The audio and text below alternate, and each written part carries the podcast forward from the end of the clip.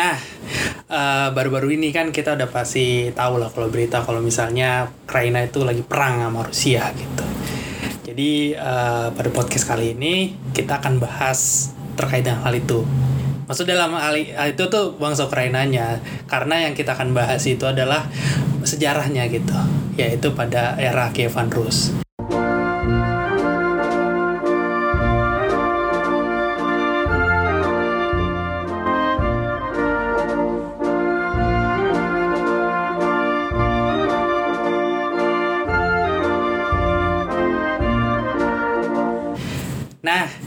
Dalam ngebahas atau ngengupas topik ini gue nggak sendirian nih karena kan gue bukan anak sastrus gitu kan bukan bukan ahlinya gitu. Jadi gue ngundang lagi nih orang yang udah lama gini kan. Udah familiar lah. Nah cobalah ini eh, yang gue singgung nih coba perkenalan lagi nih. Siapa tahu kan ada pendengar baru nih Siapa yang nama saya ya? ya aduh Kayaknya suaranya kenal lah nama Nah. saya kenal lah di kasih tahu aja lah siapa tahu kan yang baru ini kan denger kan ya panggil aja Bapak R lah. Oke. Bapak R. Nah, jadi hari ini kan kita bahas tentang Kevin Rose nih. Cuman enaknya kita mungkin jelasin dulu kali ya awal mula bangsa Slav gitu. Oke. Karena kan Kevin Rose dianggap sebagai orang Slav gitu. Ya. Oke, jadi pertama-tama eh, kalau kita bicarain tentang pertama sekarang masalah Rusia Ukraina itu kan pasti mm, banyak yang banyak yang berpikiran hanya sebatas eh, gini aja eh, kan sebatas relasinya itu adalah sebagai satu negara itu Uni Soviet dulunya begitu. Oh, Kalau Indonesia iya, kalau, iya, kalau iya. kita tanya nih misalnya nih apa nih?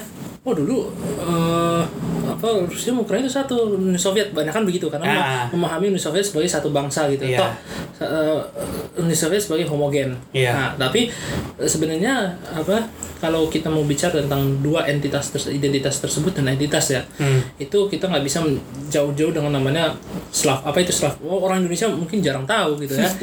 apa itu Slav gitu. Mungkin Nah, kalau tahu, wah Eropa Timur itu pasti kan. jadi bangsa Slav itu adalah eh, sebuah eh, apa istilahnya bisa kalau dari, dari segi bahasa ya dari segi Iya. bahasa itu dia termasuk pada kelompok Indo-Eropa. Maksudnya eh, dia sebagai dianggap sebagai masyarakat Indo-Eropa yang menetap di wilayah Eropa Timur ya. Misalkan Iya. sekarang kalau kita eh, bi- eh, kita bisa tarik garis batasnya itu adalah nah, eh, di barat itu adalah Ceko yang paling barat Hmm. Uh, termasuk Polandia juga dan paling selatan adalah ya, yang Yugoslavia yang misalkan seperti Serbia, Montenegro, Bulgaria Oh, iya, itu yang iya. paling selatan. Ah. Nah, adapun yang paling timur batasnya itu ada ya Rusia tapi seba, se- eh, Rusia sebagian habis itu dengan Ukraina. Iya. Itu kalau dari segi geografis. Tapi kalau misalkan dikatakan apa siapa itu bangsa Slav, ya itu adalah eh, kalau disebutkan adalah ya eh, namanya bahasa dengan kebudayaan itu tidak bisa eh, eh, apa sulit untuk dipisahkan. Ya itu adalah bangsa yang emang dia punya pertuturan bahasa yang dalam dalam teks-teks kuno itu disebutnya ya bahasa Slav itu ya kita Hmm. dan sekarang bahasa Slav ini kan berkembang menjadi banyak bahasa misalkan seperti bahasa Rusia bahasa Ukraina bahasa Polandia dan segala macam Iya, iya. itu adalah bahasa Slav itu yang sebagai eh, apa ya ideologinya se- eh, sebagai eh, our race gitu kan maksudnya bangsa Oh, kita iya, ya gitu iya, bangsa iya. kita Ah. gitu nah tetapi kalau dikatakan bangsa Slav itu adalah homogen ya tentu bukan homogen itu Hmm. karena kan apa namanya eh, kalau dalam apa namanya dalam tanda kutip mitos ya mitos dari dari apa yang ada di, Oh, dikenal di, di, di yang tiga itu ya. Jadi Slav itu menurut mitosnya adalah seorang seseorang Iya. laki-laki seorang laki-laki punya tiga anak yaitu Leh, Ceh dan Iya. eh, Rus itu kalau nggak salah ya Eh, Leh, Ceh dan Rus nah Leh itu apa Polandia Ceh itu ya orang Ceko, Ceko, Rus. dan Rus itu yang, Ya. yang di timur Nah. itu itu itu legenda itu le- Iya. eh, legenda itu nah apa namanya tapi yang jelas intinya sebenarnya kalau dikata Slav itu sebenarnya eh, apa ya istilahnya eh, sebuah bangsa itu sebuah bangsa yang tinggal di daerah daerah situlah ya Hmm. daerah situ. Dan kalau yang gue baca nih beberapa sumber ya, salah satunya juga di Story of Ukraine, gue lupa nama Pugoksi atau siapa gitu.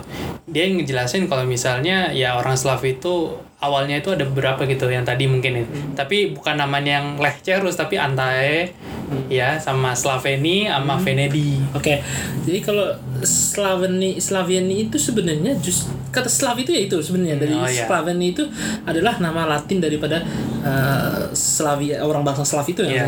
Nah, kalau misalkan yang tadi Venedi segala macam itu sebenarnya lebih ke ya memang apa namanya eh, nama-nama suku lah istilahnya. Ya, nama ya, suku yang suku-suku, tercatat di, di, di, di beberapa tulisan lama gitu. ya si Jordanes. Nah ya, nah tentu saja sukunya nggak cuma itu doang, ada banyak. Misalkan eh, eh, yang misalkan kita melihat dari babat babat istilahnya eh, babat ta- kalau diterjemahkan adalah babat-babat Iya. zaman pertama. Artinya di situ dia menceritakan tentang suku-suku. Oh, Primary eh, Chronicle ya? Nah itu babat Ya, ya, zaman ya. pertama kalau. Nah apa namanya? Ada namanya suku Drevlian. Drevlian itu sebenarnya Oh. dari kata eh, dreva eh, kayu maksudnya desa gitu kalau Iya, salah iya. begitu ya. Karena banyak hutan Nah, mungkin ya Polan Polane itu pole pole itu Polonian kan? Nah itu artinya Poliane itu artinya orang-orang eh, ladang orang-orang Stepa, lapangan. stepa. Nah, ya itu, itu itu kenapa disebut dan banyak masih banyak Pramidician. Nah, itu yang banyak apa tuh yang katanya nenek moyangnya Rusia tuh Vita Vistaginian atau apa gitu Hmm, ya gue lupa nama aslinya iya banyak Ya, emang memang, memang banyak panjang-panjang Ya, juga itu yang di dalam eh, babat babat eh, tahun-tahun babat zaman awal itu Iya. memang eh, itu memang Iya, ada- dijelasin. jelas bahkan dari kreasi bumi nanti ada Nuh Ya, itu- itu- tiga anak itu itu terpengaruh memang Nah. dari ajaran ajaran Semitik ya. Iya. Nah, apa namanya? uh, jadi dari suku-suku tersebut, jadi uh, ya sebenarnya konsepnya Slav itu ya sama seperti kita mungkin bangsa Australanesia kalau kita itu kan Ya. nama baru ya kita kan nggak punya konsep seperti itu gitu. Kalau nggak punya konsep bahwasannya kita tuh dulu pernah namanya satu bangsa apa X tuh nggak ada. Ya konsep bangsa Melayu aja itu kan konsep belakangan konsep zaman zaman ya zaman zaman kita kolonial itu baru ada nama konsep bangsa Melayu. Kita disebut ras Melayu itu kan Iya. orang Barat yang menyebut itu ya nama Indonesia aja juga kan baru oh kan? itu Nah, Barat itu ya yang salah kapal yang ya agak sedikit agak sedikit ngalur ngidul juga tapi mungkin bisa eh, memberikan gambaran Nusantara itu bukan bukan konsep kita dulu namanya Nusantara eh, pernah menjadi satu namanya Nusantara enggak seperti itu Nusantara, Nusantara itu gitu ya. Nusantara itu eh, apa namanya ya istilah ya kepulauan lah kepulauan-kepulauan itu bukan kita pernah menjadi satu dengan namanya satu eh, enggak kita pun udah beragam dari dulu Iya, gitu iya. ada ada Jawa ada ada Melayu ada yang apa yang segala ada segala Papua macam. Kalimantan Nah, yang apa dan dengan nama-nama etnis. Nah, begitu juga dengan di apa? Kalau di Rusia juga eh, maksudnya di Slav maaf. Di Slav itu apa namanya? Ya, mereka punya suku-suku gitu. gitu. Iya ya. Dan nanti dari yang kalau ngebaca juga dari beberapa sumber nih. Nanti kita share banyak lihat Instagram nanti di share sumbernya. Jadi eh, dibilang ini sama Hurufsesky, Mikhailo Hurufsesky. Khrushchevsky, ya. Iya, dia bilang Antae itu adalah nenek moyangnya Ukraina. Gitu. Tapi nanti ada ada yang nyanggah dan akhirnya direvisi kalau misalnya enggak eh, eh sorry direvisi sama Hurufsesky kalau anda itu uh, nenek moyang suku selatan Rusia lah, tapi nggak tahu itu Ukraina atau apa gitu. Dan nanti sebenarnya dari Antai itu gue lupa sih ya. Sebelum Antai masuk, maksud an- sebelum Slav masuk itu kan udah ada sebenarnya kayak Mang Diami. Bahkan kebudayaannya juga ada Oke, kan. Jauh sebelum Kievan Rus ada kan Hurufsesky juga bilang Iya, kan. betul. Dia salah satunya yang mungkin terkenal itu Skita apa Skitian. Scythian, ya. ya itu nanti dia eh, dari barat kan ya dari wilayah-wilayah Iya, Iran gitu ya kalau gue salah timur agak iya ya, kayak banyak wilayah suku-suku nomadik itu dari Ya, Iran datang betul. ke Ukraina Nah, ya ini jadi gini, kalau kita bicara secara geografis ya Ukraina itu itu sebenarnya kalau dalam dalam sejarah itu bahkan pernah menjadi bagian dari eh, wilayah Yunani. Maksudnya di mana bangsa Yunani ada di situ. Iya, Nah, Misalkan contoh yang terkenal adalah Herodotus. iya Herodotus tapi dia nggak pernah ke sana Iya, tapi maksudnya di situ memang ada apa daerah Pontus itu istilahnya. Iya. Pontus itu Oh, iya, laut Pontik. hitam. Ah, apa Pontik, Pontus itu laut hitam, wilayah laut hitam. Dalam bahasa Yunani Pontos itu laut hitam. Nah, eh, di situ yang sekarang jadi itu tuh dulunya memang apa Yunani. Nah, sebelum belum datang orang Slav itu belum Iya. datang. Nah, kemudian ada dari Iran bangsa suku apa eh, bangsa Iran datang ke situ. Misalkan Iya. ah kita dibuktikan dari apa? Misalkan contoh kita mengenal kata eh, Don. So, nama Oh Don. iya, Sungai Don. Donetsk, Ah. Don. Itu kan sebenarnya kalau dicari secara etimologi kata Don itu dari bahasa Iran. Hmm. Artinya air gitu lah. Itu eh, gue pernah baca itu di, di- Iya. kebetulan memang ada mata kuliah komparatif bahasa jadi memang di- da- jadi dari kok dari etimologi seperti itu aja memang salah satu apa ada satu indikasi bahwasannya memang pernah ditempati oleh suku-suku ide Iran iya tapi juga akhir pada akhirnya barulah abad sekitar abad ke-6 kalau nggak salah itu baru orang Slav masuk situ. Iya, migrasi dari Danube, Dan Danube. dari, dari dari dari situ barulah masuk or- apa eh, bangsa Slav gitu. Ya kalau nggak salah Sarmatian juga dari Ya, Iran kan. dari- Hmm. Karena nanti Skitian itu dia ngejalin relasi dengan Yunani, bikin jalur perdagangan. Karena memang secara serat geografi sangat strategis Iya, kan. betul. Banyak sungai juga dekat laut, laut hitam, ada Azov juga kan. Ya, ya, ya. Dan itu kan eh, semacam keunggulan lah keuntungan bagi Ukraina. Tapi nanti Sarmatian masuk, ditendang itu Skitian ke barat, eh, jalur perdagangan itu agak rusak gitu. Walaupun nanti direstorasi sama Hazar, ya ada pas ada Pax Hazarika. Nah Hazar itu kan kita udah sebenarnya udah pernah nyinggung gitu di podcast 7 Hazar, walaupun ya. sedikit lah. Orang-orang yang Nah, sebenarnya Khazar tuh menurut riwayat ada yang mengatakan uh, Turk ya bangsa Turk Iya. tapi Yahudi gitu. Yahudi karena udah pernah dijelasin juga salah satunya biar dia nggak tersubordinasi sama kekuatan-kekuatan asing. Hmm. Tapi yang gue baca juga itu cuma bentar ya karena nanti dia ke Islam ya. Iya betul. Hmm. Dan ya nanti orang Khazar ini ngejalin ini lagi sama Bizantin. Hmm, betul. Karena udah beda era nih, bukan udah bukan Yunani kuno lagi kan. Ya, ya, ya. Udah ke Bizantin. Dan akhirnya makmur lah gitu kan. Dan karena makmur itu, nah ada ancaman dari utara. Nah, itulah makanya. Nah, jadi singkatnya ini singkat aja langsung aku aja ya. Dar- Daripada lama-lama jelasinnya. Jadi singkat cerita itu kalau menurut eh, sejarah yang paling populer ya, Ya, itu eh, karena memang bangsa Slav itu kan dia nggak punya sistem pemerintahan sebenarnya Iya. aslinya. Nah, takut ada ancaman-ancaman itu menurut menurut Babat lah, menurut Babat yang yang sekarang sampai sekarang diyakini sebagai eh, kebenaran sejarah tanda Iya, kutip maksudnya iya. apa namanya maksudnya dianggap sebagai sumber sejarah itu. Nah, itu dia mengangkat eh, pemimpin Oh. yang sempat kita pernah singgung juga Iya. sebenarnya. Nah, itu dari wilayah Skandinavia itu Rurik lah ya ya Rurik. makanya eh, apa namanya misalnya eh, nama-nama pemimpinnya seperti Igor, itu kan Ingwar Iya. segala macam meskipun ada juga yang membantah itu bukan Ya, Nah. Horusaski. nah, nah, tapi itu apa nah itu urusan ahli etimologi lah Iya. yang yang apa namanya apakah itu benar nama Skandinavia atau nama Slav Iya. asli itu kita nggak tahu gitu Iya. Tapi, Dan yang di babat itu kan kayak ini kan datanglah gitu kan kamu ke tempat kami kami Iya, itu makmur ya, gitu. ya kita makmur kan luas tapi nggak punya order nggak punya nggak punya pemimpin lah kayak Pak. keamanan ketertiban keteraturan jadi disuruh untuk kayak memerintah biar Hmm. ya damai lah gitu dan akhirnya kan nanti datang kan itu kan Rurik nggak datang sendiri tiga kan? Betul, tapi saudaranya yang dua meninggal duluan. Hmm, betul. Ya, memang nggak sen- Nah, itu secara singkatnya memang begitu tuh apa? eh, mereka mendirikan sebuah pemerintahan ya kecil-kecilan sih maksudnya maksudnya ya Novgorod jangan dianggap seba- sebagai oh negara kayak sekarang enggak enggak itu uh, pemerintahan kecil-kecilan yang misalnya di Novgorod habis itu turun-turunannya Iya. ada juga di yang di Kiev ada, Iya. ada juga bisa yang dibilang city state Ya bisa dibilang gitu. Dan model sistem pemerintahan itu sebenarnya lebih tanda kutip ya.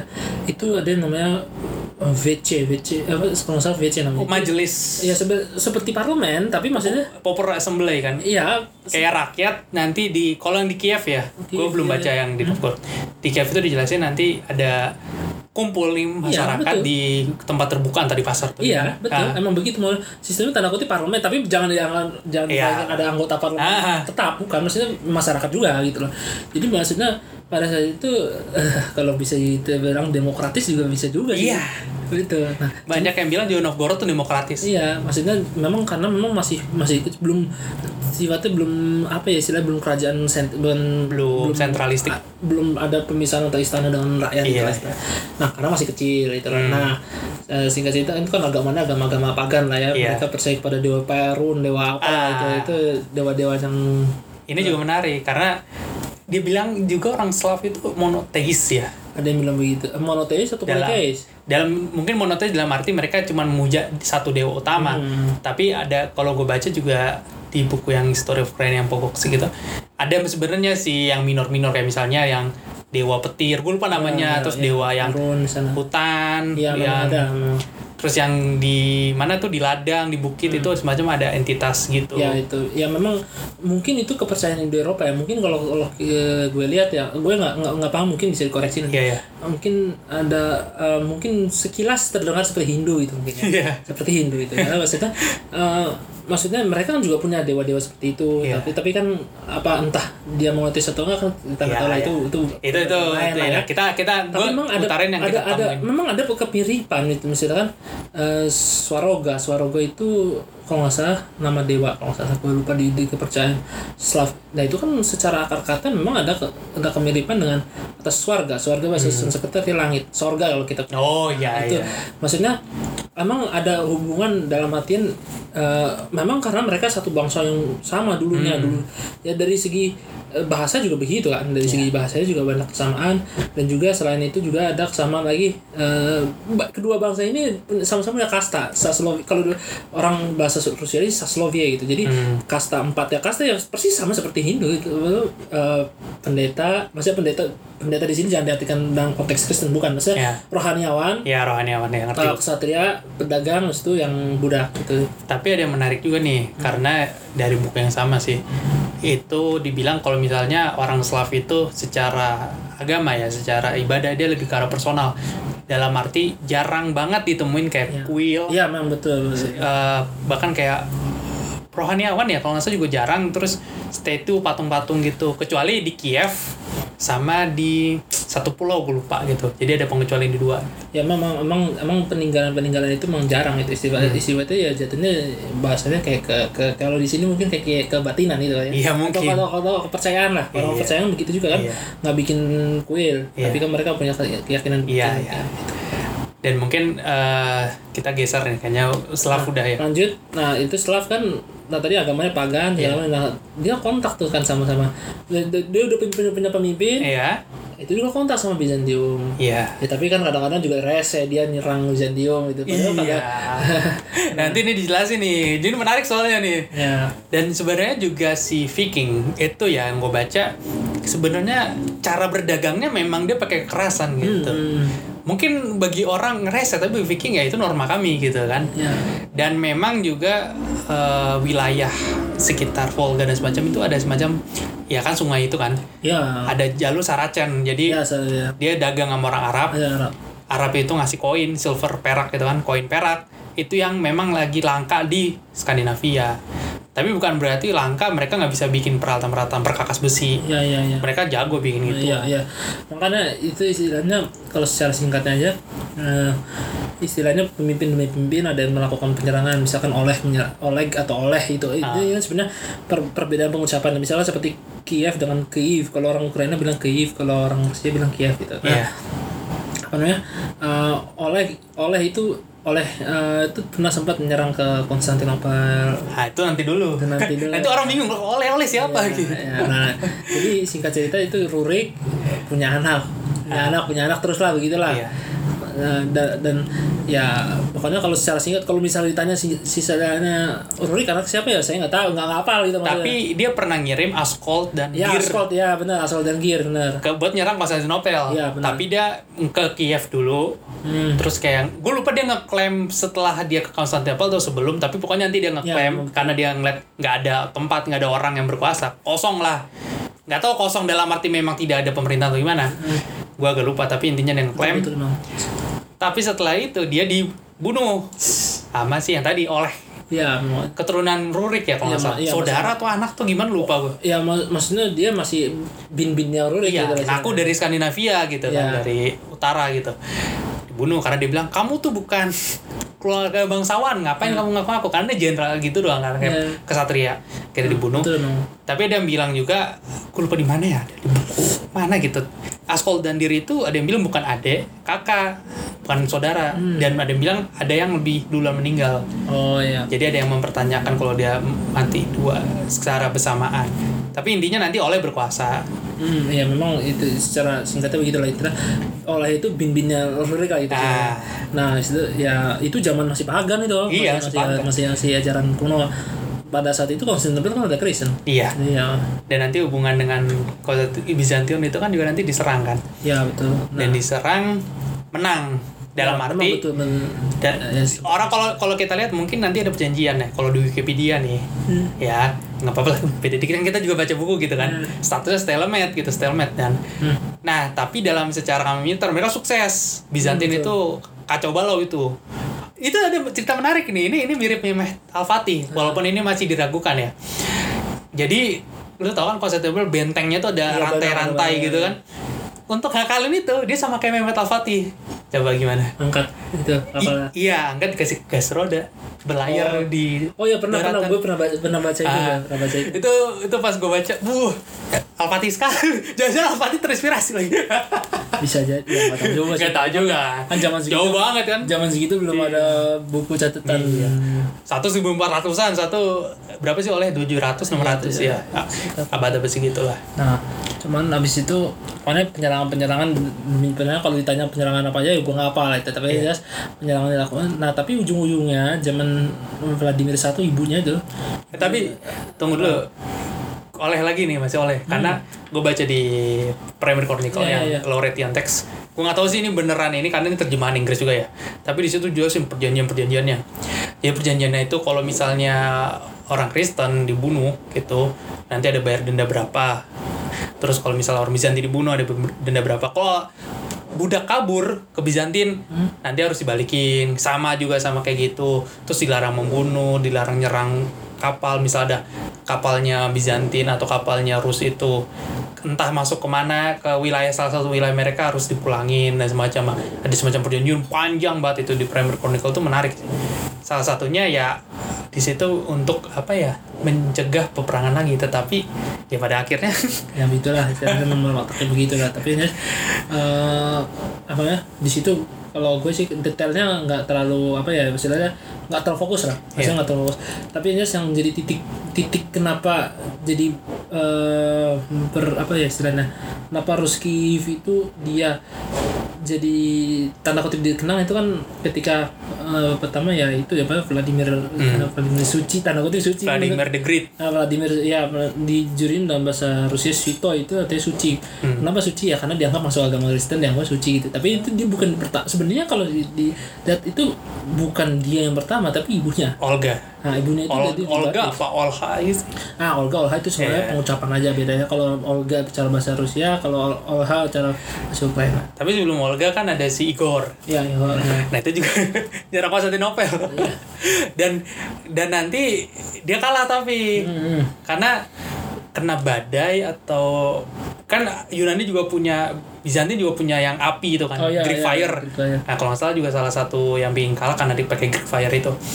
Nah jadi bikin perjanjian lagi gitu perjanjian juga nggak jauh beda dan beberapa juga keistimewaan yang didapetin oleh Kiev kan ada kayak misalnya perdagangan nih kan pasti ada semacam hak istimewa Gitu.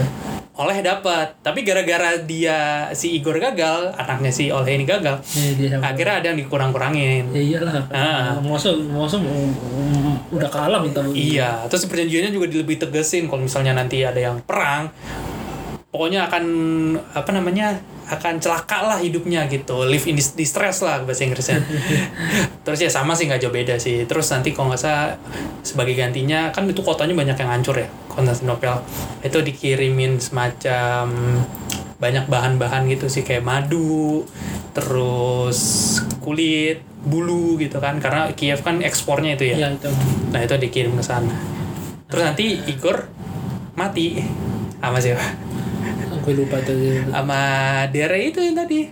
Itu Dravidiani. Iya, itu katanya sadis itu. Nah, itu kalau itu ya memang itu cerita. Nah itu juga ini yang di sini yang sedikit agak apa ya sebenarnya agak bingung juga ketika gue baca babatnya itu kan sangat, sangat banyak tokoh-tokoh Iya. sukunya jadi gue bingung merhatiinnya. Iya iya iya iya gue juga. Ya emang ya karena memang suku-suku itu akhirnya perang misalkan kayak Paul of Sintar perang sama siapa sama Iya, sama kan- Pecenek. Ya sama Pecenek gitu kan. Nah, tapi emang istilahnya eh apa namanya kalau misalkan eh, Igor abis itu mati abis itu apa namanya eh abis itu penerusnya penerus segala macam. Kalau gue sih di situ memang kurang kurang begitu fokus kalau gue ya. Tapi kalau misalnya kalau misalnya ada tambahan sih silakan aja. Tapi apa namanya eh memang titik balik ya eh, apa ya istilahnya kan pada zaman itu kan istilahnya boleh dibilang eh Ru- Prada- Ru- Ruskiev itu belum punya apa ya istilahnya zamannya zamannya si Igor sebelum masuk ke agama Kristen tuh nggak ada peninggalan tulisan Iya. itu jadi peni- peninggalan tulisan tuh jadi tulisan-tulisan yang kita dapetin selama ini ya kemungkinan diproduksi setelah zaman Vladimir satu gitu loh. Itu yang Primary Chronicle yang nulis Nestor ya? nah Nestor itu jauh setelah zaman pra- Iya kan, maksudnya si Nestor kan nulisnya. Nestor. Nah, Itu Nestorian bukan sih nanti? ah, itu oh, Nestor dia nama Nestor beda lagi Beda ya, beda ya. namanya aja Nestor. Nestor itu nama sebenarnya. Nah, nah kalau Nestoran itu kan memang ada aliran yang mengikuti si Nestor gitu loh. Iya, kalau iya. masalah ya kan ada Nestorin Nah. Yakobian sama. Nah apa namanya? Itu do, de- beda domin, denominasi Kristen. Iya, iya, iya. nah kalau ini kan beda. Memang namanya Nestor gitu. namanya Nestor. Nah apa namanya eh Nestor apa namanya eh, dan karya-karya kayak gitu kan ada setelah zamannya tulisan tulisan itu yang mengenalkan adalah Kiril kan pernah Iya, kira lah Nah, Metodius kan. kalau Kiril dan eh, Kir- Kiril dan Methodius itu. Nah, itu jelas setelah masuknya agama Kristen setelah Vladimir Suci kata mereka suci Iya. itu menerima agama Kristen. Nah, sebenarnya yang menerima agama Kristen pertama adalah Olga. ibunya. Nah, itu itu ada menarik juga tuh ya Olga yang balas dendam suaminya. hmm. Itu yang sukunya itu ditipunya, ya udah saya nggak punya dendam atau gimana gitu. Kayak di jamu penjamuan apa? Iya. Feast, funeral feast. iya, Nah, iya. itu nanti disuruh masuk ke tempat pemandian, tiba-tiba ditutup terus dibakar. Terus ada yang ditaruh di kapal, itu dibakar. Terus masuk ke desa sama anaknya si si Viastoflas eh, si. Ah, itu apa namanya ke sebuah desa terus desanya pada takut kan. Hmm. Terus dia bilang tenang kami nggak akan ini kok udah udah saya sudah nge-avenge atau udah ngebalas dendam eh, suami saya di dua tempat di dua kesempatan gitu. Eh, tak taunya ternyata enggak. Jadi sebelumnya si Olga bilang minta burung gitu, burung setiap rumah itu ngasih tiga eh, sparrow ya, burung gagak ya, Iya, benar. sama burung dara atau burung merpati gitu. Kasihkan ke mereka.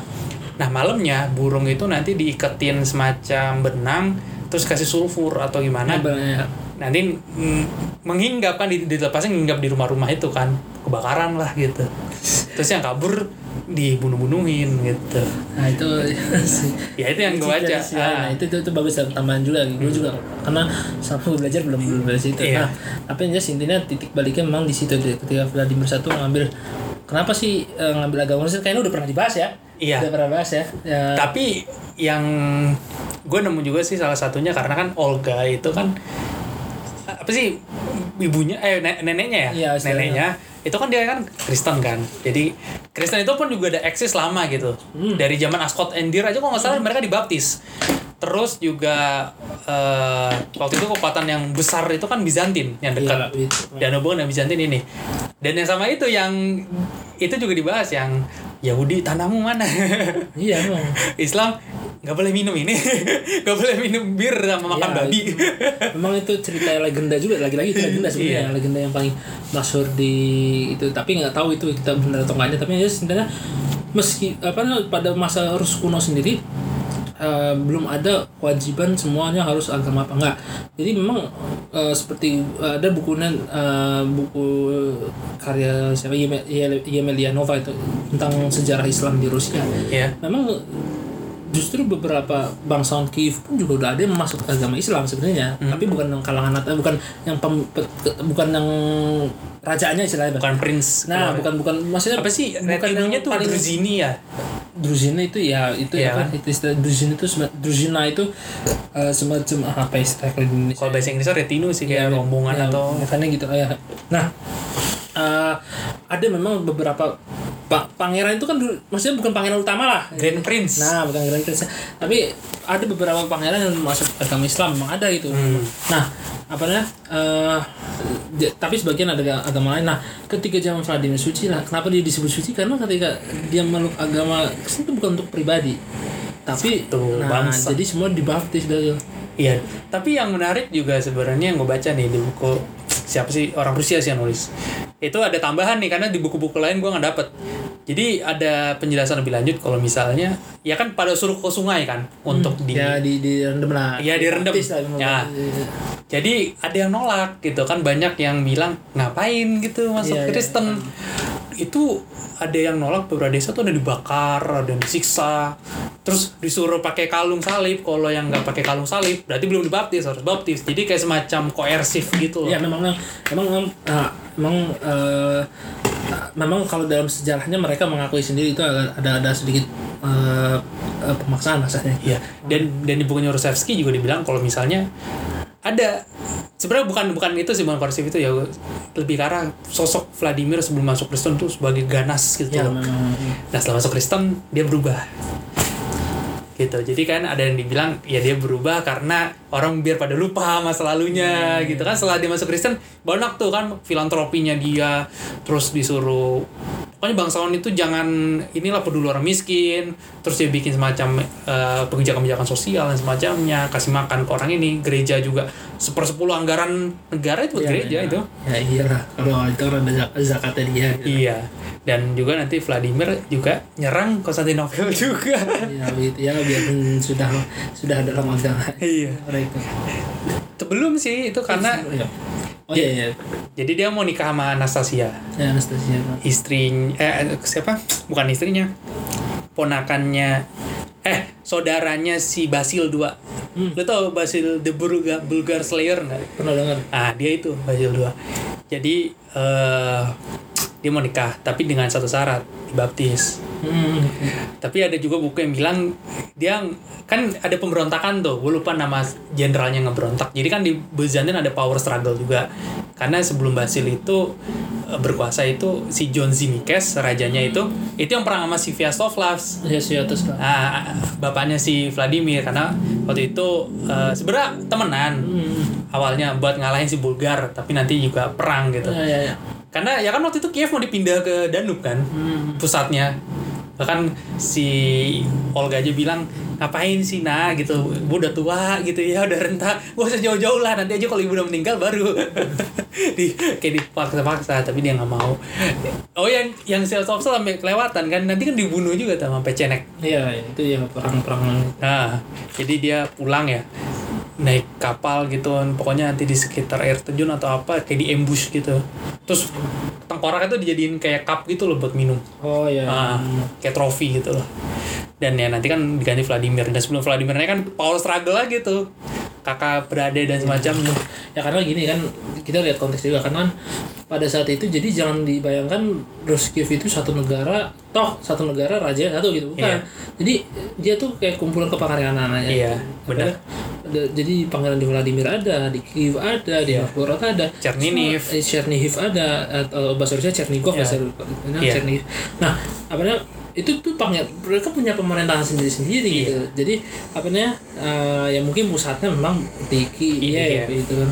Ya apa namanya cuman mereka punya eh, punya apa ya istilahnya eh, istilahnya jangan dianggap sebagai tanda kutip bangsa yang bersatu gitu bukan ya pada nyatanya dia berantem sesamanya. Iya, sesama Gitu saudara. Sesa- sesama pangerannya yang bahkan ini yang dimanfaatin sama Mongol Iya.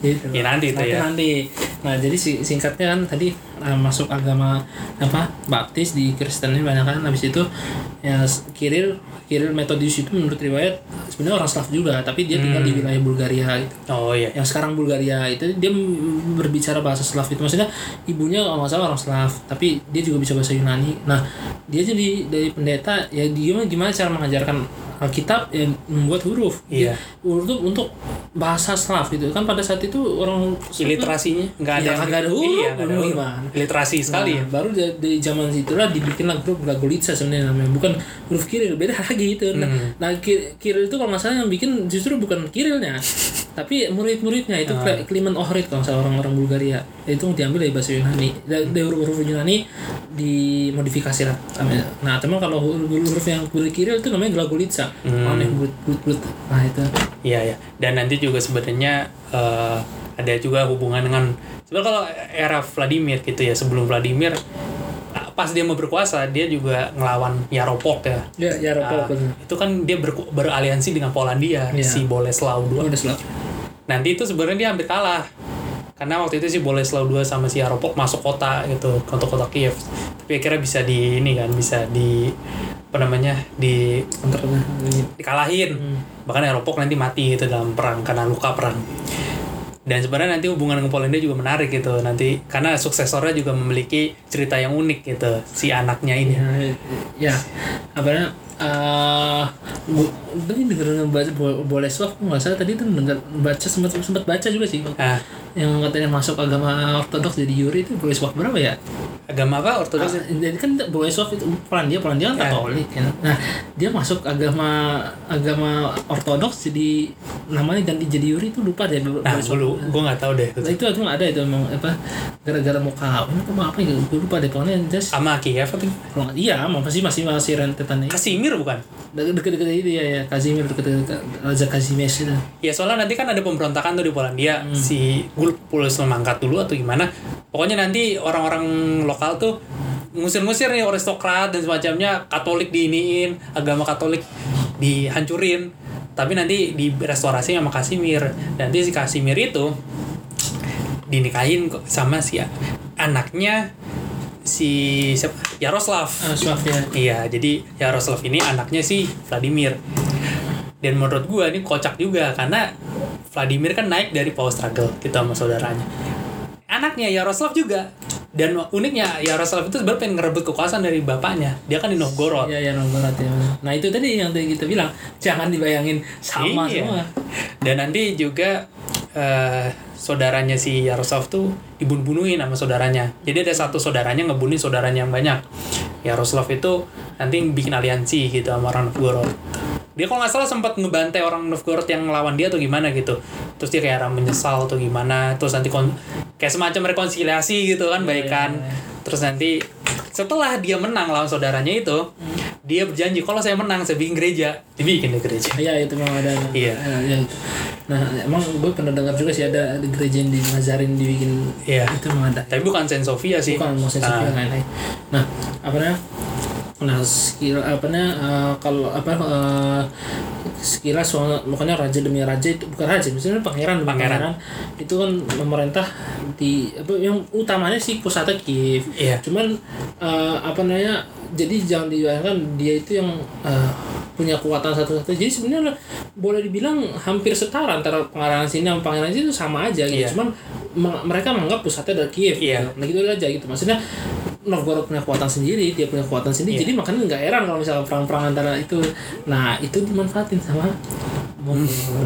Dan sebenarnya Vladimir juga bertanggung jawab atas itu karena dia itu setelah berkuasa Hmm. domain-domain wilayah itu diisi sama anak-anaknya hmm. dan yang gue baca gue lupa di buku mana ya selalu hampir sama sih judulnya Story of Rena atau enggak Frontier uh, Frontier Essay atau gimana gitu Hmm. tapi dijelasin kalau misalnya eh, semakin banyak pangeran Hmm. berarti domainnya semakin kecil.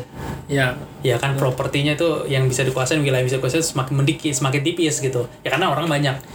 Karena Vladimir itu dia diceritakan punya banyak concubine itu. Iya ya selir selir. Selir. Sama kayak ini ini agak melenceng dikit ya. Gue gue pernah baca soalnya nih warlord Cina. Oh iya iya iya iya. dog apa gitu anjing liar atau apa gitu punya ratusan selir itu nah gue jadi keinget ke situ gitu. Jadi ya Vladimir itu punya banyak anak gitu. Dan nanti anak-anaknya ini yang ya. berantem gitu. Yang tadi jelasin yang menang Yaroslav. Ya karena bukan Yaroslav. Sebenarnya sebelum Yaroslav berkuasa saudaranya dulu sempat berkuasa gitu dan dia kalau nggak salah nggak minta bantuan Varangian eh, juga ya kayak ya barangnya ya, Vladimir barangnya juga kan yang minta dari Swedia kan. Iya, nah, ya karena mau leluhurnya juga Iya. gitu. Varyagi itu orang Varangga itu. Ya orang itu bahasa sebutan untuk ini ya. Ya, orang orang Viking ya, Ya, mungkin Viking juga istilah mungkin gini ya istilah Viking itu juga nggak tahu mungkin ah, itu ada apakah dia itu memang disebut Viking atau memang itu sebutan orang luar untuk bangsa tersebut. Ya mungkin di situ ada suku-suku juga sama kayak iya sih. gitu gitu loh dan ya apa namanya juga nanti minta ban eh sorry.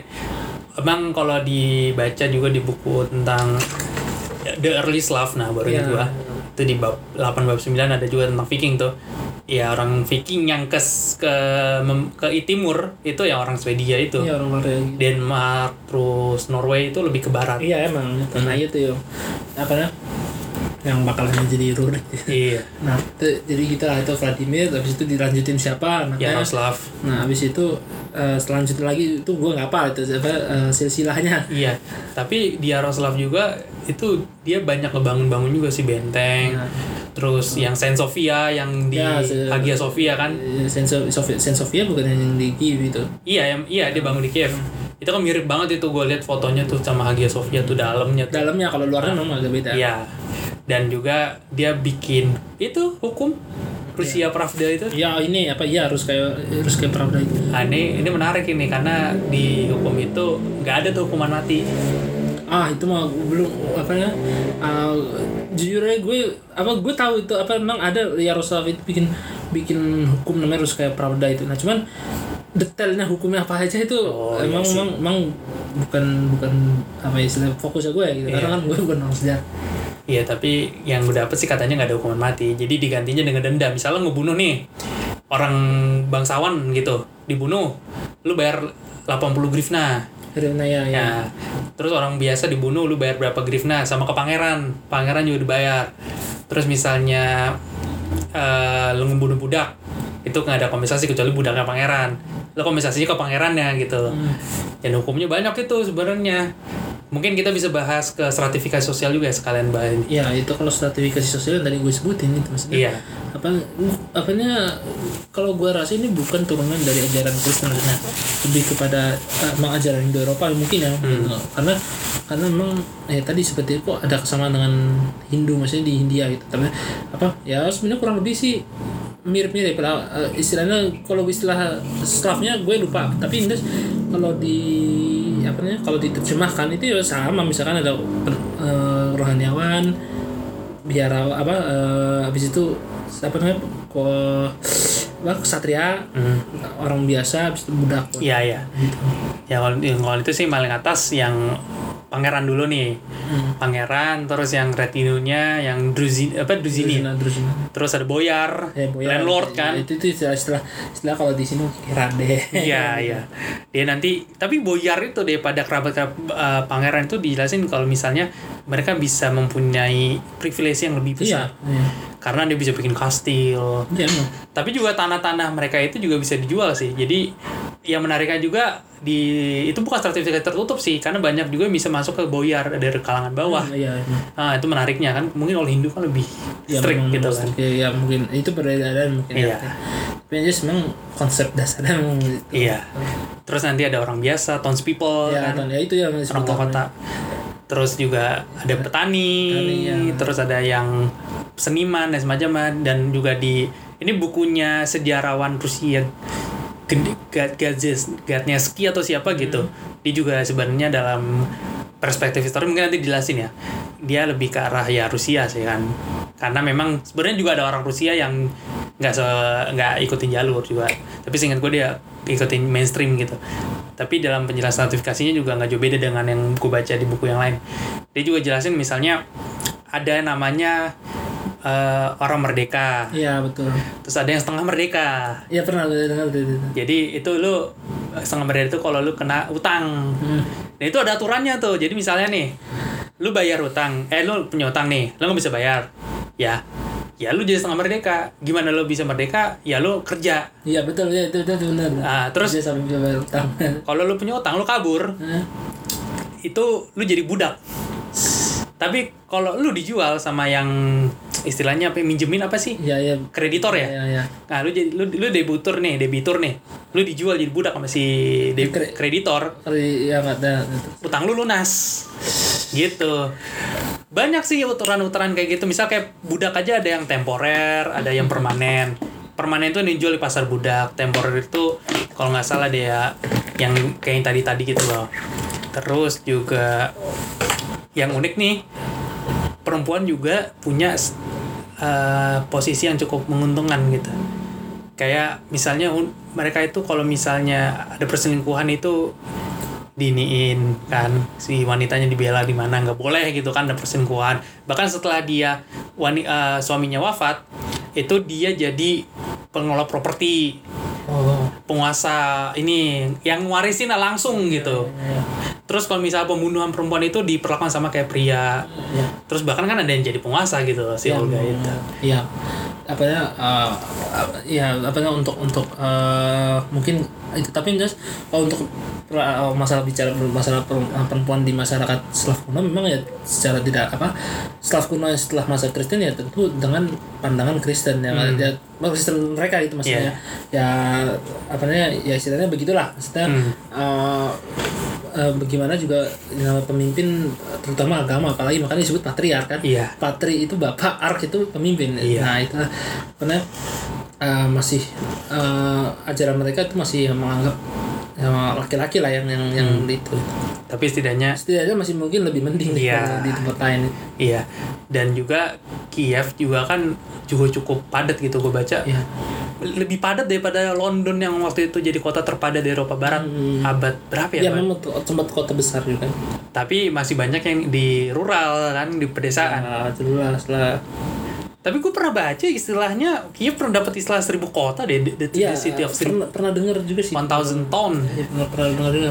Memang Kiev juga apa Kiev itu memang ben, istilahnya gue juga pernah baca juga sih maksudnya uh, istilahnya kayak uh, primadona timur bahasanya itu. Iya, iya. Memang bukan uh, seudik-udik kayak dia bukan bener-bener remeh gitu loh. Iya. Orang bisa dibilang dia Bizantin tuh ini kan bisa 2.0. Iya. Konstantin Konstantinopel 2.0 lah Kiev. Iya. Karena kan itu kan orang-orang setelah ini kan setelah masuk Kristen kan pada itu kan diundang-undang orang Yunani arsiteknya iya. dan semacam fashion pun masuk. Ya, iyalah dan juga ada yang menarik ini soalnya masalah ada suatu buku nih reimagi reimagi apa? Reim kok gue kok gue kayak ini? Imaj apa reimagining iya, iya. Kiev dan Rus itu ada bab yang ngebahas tentang pernikahan. Hmm. ya lo tau kan uh, pernikahan antar kerajaan tuh lazim hmm. itu selalu Kiev itu pernikahan Emang itu ya, ya itu masuk juga budaya kayak fashion juga misalnya kayak pakaian, terus keramik dan semacam yeah. itu masuk ke Kiev. Karena Kiev memang nggak terlalu secara budaya memang banyak juga niru Bizantin sih dia. Yeah. Dari penulisan kalau nggak salah juga kan. Betul. Ya itu tulisan lu Iya, iya. Tapi dari bahasa nih, kita cuman ke, ke bahasa dulu deh sebelum yeah. nanti ke balik lagi ke budaya dan sebagainya.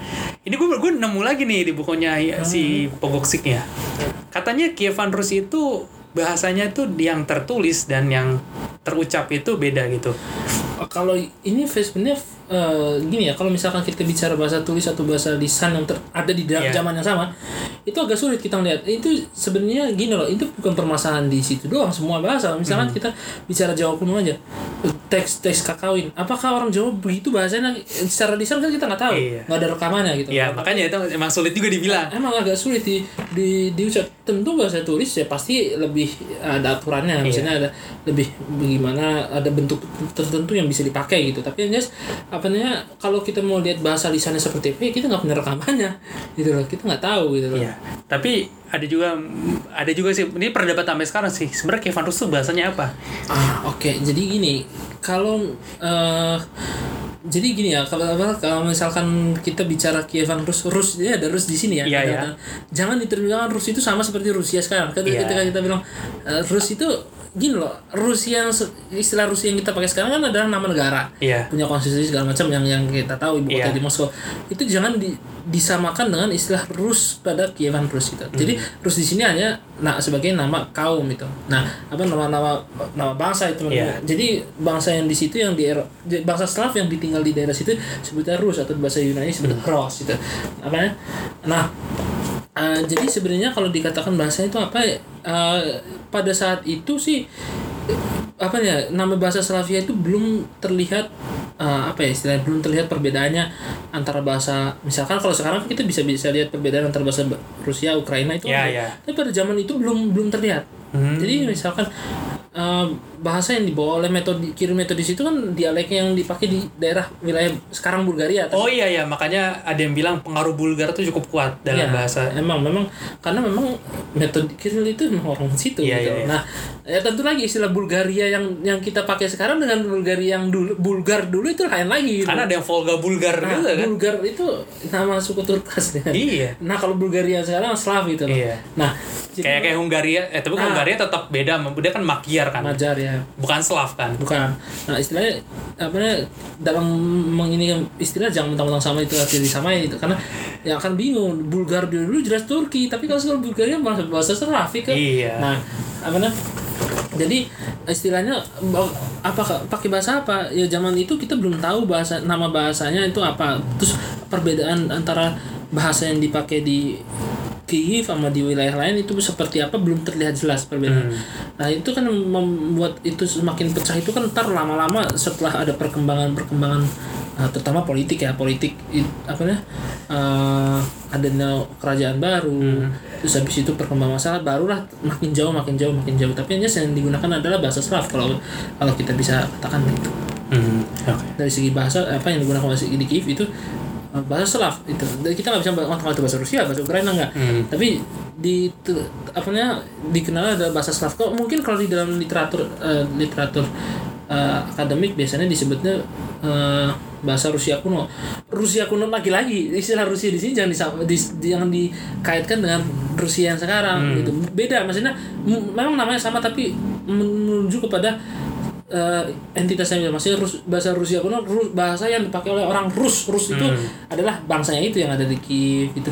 Nah, maksudnya apa namanya Rus itu Nah itu ini ini menarik juga sih karena nama Rus pun masih perdebatan. Ada yang bilang dia suku, nah ada yang bilang dia sungai. Nah ya ini etimologi dari etimologi ini sendiri ya lagi-lagi itu agak sulit ya kita meneliti lagi-lagi karena kan istilah Rus ini bukan muncul setelah eh, bukan muncul setelah adanya zaman Kristen kalau setelah zaman Kristen mungkin kan udah ada tulisan ya. Iya, Tapi iya. kalau ini kan sudah ada di di zaman sebelum dia punya tulisan Iya.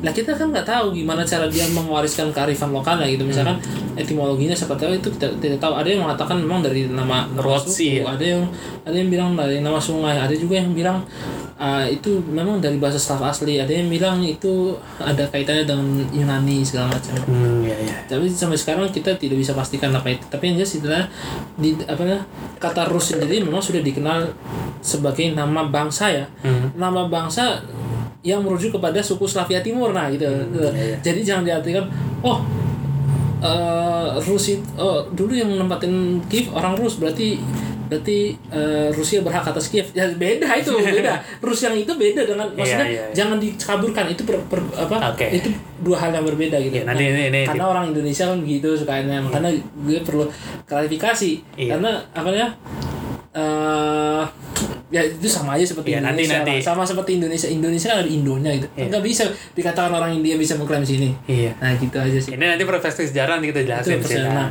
jadi uh, dari apa uh, kata Rus sendiri itu um, merujuk kepada suku Slavia Timur itu uh, itu juga sudah dikenal di banyak bangsa seperti di Yunani disebut Ros atau Rusikos. Nah, ada juga uh, teks-teks Arab. Misalkan ketika uh, apa ada bangsa Viking ketika datang ke Andalus sekitar kurang lebih sebelum abad eh sebelum tahun 900 eh 900 di situ ada di teks Arab kalau nggak salah entah siapa ada Idris atau siapa gue lupa. Pokoknya ada orang Arab ketika ada Viking datang ke Andalusia di situ dia menjelaskan bahwasanya ada suku Al Majus Majus itu Majusi maksudnya pagan. Nah, di sini diartikan pagan. Nah apa kita tahu ini di bawah tahun 900 itu dari mana? Nah karena dari apa eh, dari ada jurnal yang baca yang tadi baca. Nah eh, kata majus itu digunakan sebagai arti pagan ya maksudnya bukan arti Zoroaster. Iya, iya. arti pagan itu di Andalus itu sampai tahun 900-an itu jadi jadi kemungkinan itu itu ditulis sebelum tahun 900 jadi sekitar 800 sekian lah. Nah di situ disebutkan bahwa ada kaum al-majus yang ada di utara pa- pagan yang ada di utara. Yuqalu lahum di mereka disebut ar-rus disebut Rusia gitu. Disebut Rus maksudnya disebut Rus. Itu di di beberapa eh, teks Arab lain eh, ada yang menyebutkan eh, ar-Rusiyah maksudnya tanah Rus itu. Hmm. gitu. Jadi di, itu pun juga sudah dikenal maksudnya sebagai bangsa Rus gitu. Gitu. Nah itu untuk uh, dari masalah uh, Etimologi. etimologi kata Rusnya ya. Iya, iya. kata Rus itu. Oke. Jadi eh, kita udah dapat semacam pencerahan ya kan mengenai ini juga bisa membuka jalan untuk nanti apakah Rusia ber ini ngeklaim gitu kan. Tadi sebenarnya udah ditegasin tapi nanti kita akan lebih le- jelas lebih lanjut. Nah, cuman kita balik lagi masalah pernikahan nih karena gue dapetin banyak hal menarik gitu karena Yaroslav itu dijulukin uh, father in law of Europe Ah itu benar-benar tuh tukang tukang ngawin ngawinin oh, ini biarin biarin dulu kawin sama raja apa Iya. gitu tuh. Dan ada yang menarik karena dulu di bukunya yang Reimagining Iya. of Kievan Rus itu itu dijelasin eh, sempat ada argumen kalau misalnya anak-anak perempuannya itu diperlakukan tidak baik. Terus dia bilang si penulisnya, gue lupa penulisnya siapa. Dia bilang, "Bagaimana bisa gitu diperlakukan buruk padahal dia nanti akan dinikahkan keluar." Karena kalau di kalau dia nanti Ya. dinikahin keluar, Ah, nggak ada loyalitas. Iya. Lah, karena ini kan politik, jadi mereka tuh akan dididik, diedukasi dengan baik untuk nanti nikah terus mempengaruhi suaminya. Hmm. Khususnya di Skandinavia tuh banyak tuh katanya yang eh, anak-anaknya Yaroslav itu bisa mempengaruhi si raja-raja di sana, terutama raja. Ada tuh raja Denmark juga kan Harold yang nggak salah tuh dinikahin sama anaknya Yaroslav. Dan juga eh, anak perempuan itu bukan ancaman karena dia nggak akan nuntut apa-apa Iya, iya. dan dia bisa menjadi pendamai juga di eh, apa sih perselisihan saudaranya gitu jadi dibilang anak perempuan itu bukan sesuatu yang harus ditakutin lah dan nanti tuh banyak itu kayak dari zamannya kalau nggak salah Vladimir kan juga udah ngelakuin hal itu ya. Gue lupa anaknya juga anaknya juga ada yang digituin sama Vladimir atau dia doang yang sama Anastasia. Dan sama Anastasia sebenarnya Anastasia di buku ada tuh the the early history of Rusia Rusia kalau nggak salah orang Rusia juga sih. Ini ini di situ doang sih gue belum nemu di buku yang lain. Dia bilang Anastasia tuh kayak nolak. Hmm. nolak eh, untuk dinikahin sama Vladimir. Karena dia kan pagan tapi si Basi bilang "Eh, tenang nanti dia akan jadi masuk Kristen dan ini demi kebaikan kebaikan negara kita dan kita akan ngo- tobatin mereka gitu Iya, iya, kan gitu. akhirnya mau gitu kan dan nanti juga kalau misalnya anak-anak perempuan ini yang akan dinikahin kan dia datang rombongan banyak gitu betul. bawa perhiasan bawa apa gitu dan salah satunya juga yang kalau nggak salah itu yang nanti nikahin Henry yang raja Raja. Raja di Saxon lupa nama negaranya Mokfar apa gitu pokoknya nanti dia nikah setelah suaminya meninggal dia nikah lagi sama raja Henry IV itu Jerman HRE tapi nanti dia ngelawan suaminya karena suaminya gelut sama paus Hmm. Nah, jadi dia ini. Terus nanti dia pulang ke Kievan gitu. Jadi biarawati itu. Ya Mas- memang, memang gue pernah denger itu. Nah, karena disebutnya mertuanya. iya. Ke Denmark, ke mana lagi tuh? Prancis ya. Terus ke Polandia kan yang untuk dia nikahin sama si Kasimir juga salah satunya buat ngalahin Mo- Mazo Mozavian. Eh, Moravia. Atau Bukan bukan Moravian, Mazovian atau? Mazovian ya, Ya, ya, Mazovian. Ah, itu buat ngalahin Iya, itu. itu ada. Jadi ya semacam aliansi politik gitu. Karena ada beberapa tipenya untuk yang konflik, yang salah satunya itu ada yang aliansi Grand Alliance yang sama Jerman itu, Hmm. ya semacamnya. Itu menarik sih. Dan juga eh, dalam hal pernikahan itu nanti kan masih berlanjut itu si Vladimir Monomach juga nikahin Iya, anaknya. Gitu dan salah satunya ada tentang penamaan loh ternyata siapa gitu. Gue lupa nama anaknya Yaroslav tuh ada yang agak sulit gitu ya. Dia nikah sama Henry Henry keempat. Hmm. atau keberapa pokoknya raja keturunan Capet gitu. Hmm. itu uh, anaknya namanya Philip Hmm. karena seharusnya itu namanya itu antara Henry, Hugh atau Robert atau siapa gitu. Tiba-tiba Philip itu asing gitu untuk di wilayah itu. Itu katanya ada pengaruh dari istrinya itu yang orang Kiev Hmm. dari penamaan. Dan juga dari luar juga masuk ke ini ke Kiev kayak anak-anaknya siapa ya Yaroslav ya. Kalau nggak salah yang Elizabeth, terus Anas Anastasia atau siapa. Pokoknya nama-nama asing gitu dari yang Bizantin itu kalau nggak salah. Dan juga yang nikah sama Bizantin juga banyak yang ganti nama jadi Iren.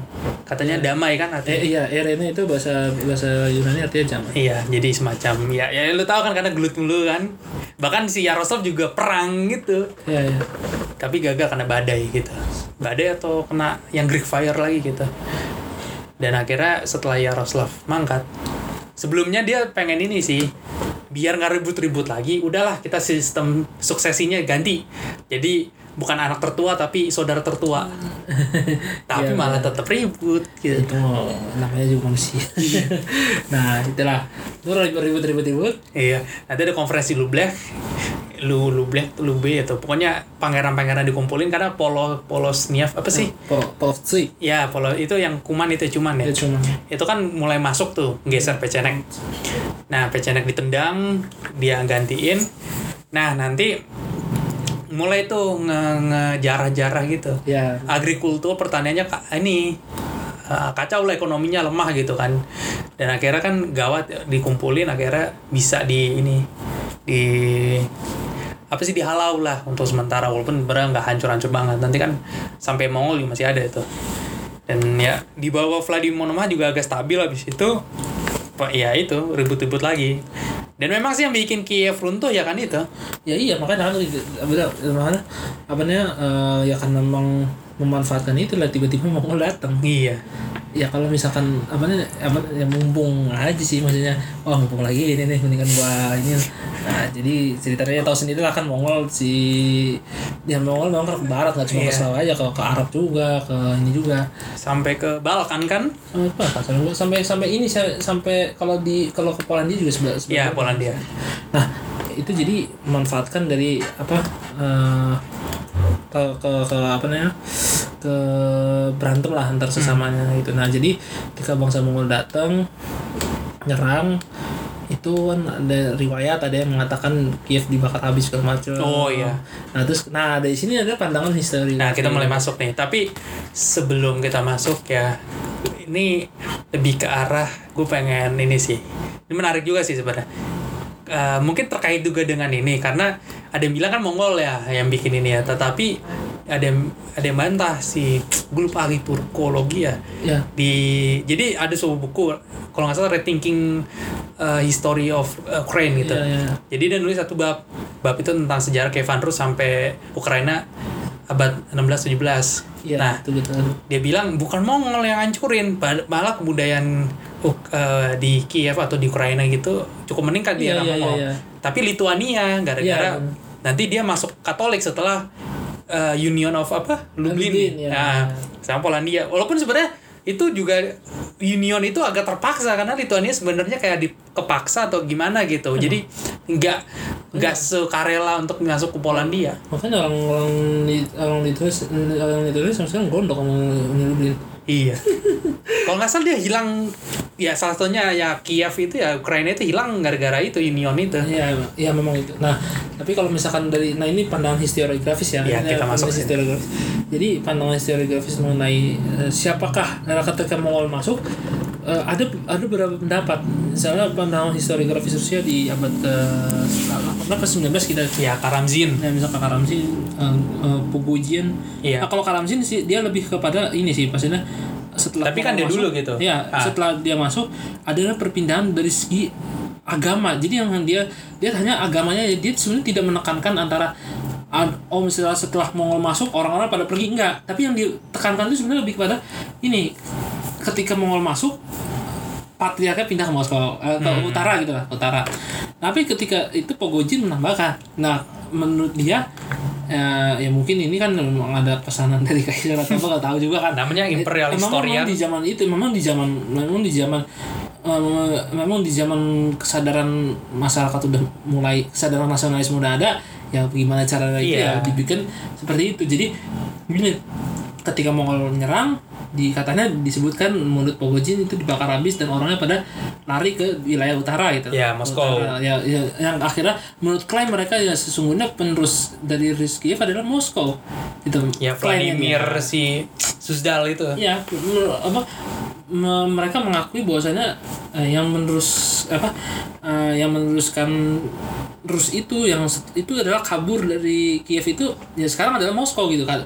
Ah, itu klaim dari Pogojin, tapi beberapa kelompok historiografi yang lain ada yang menolak. Misalkan eh, nah yang yang Rusia dulu yang tadi yang mengatakan eh, Moskow adalah penerus dari Kiev karena memang orang yang Kiev pada kabur ke Moskow katanya Hmm.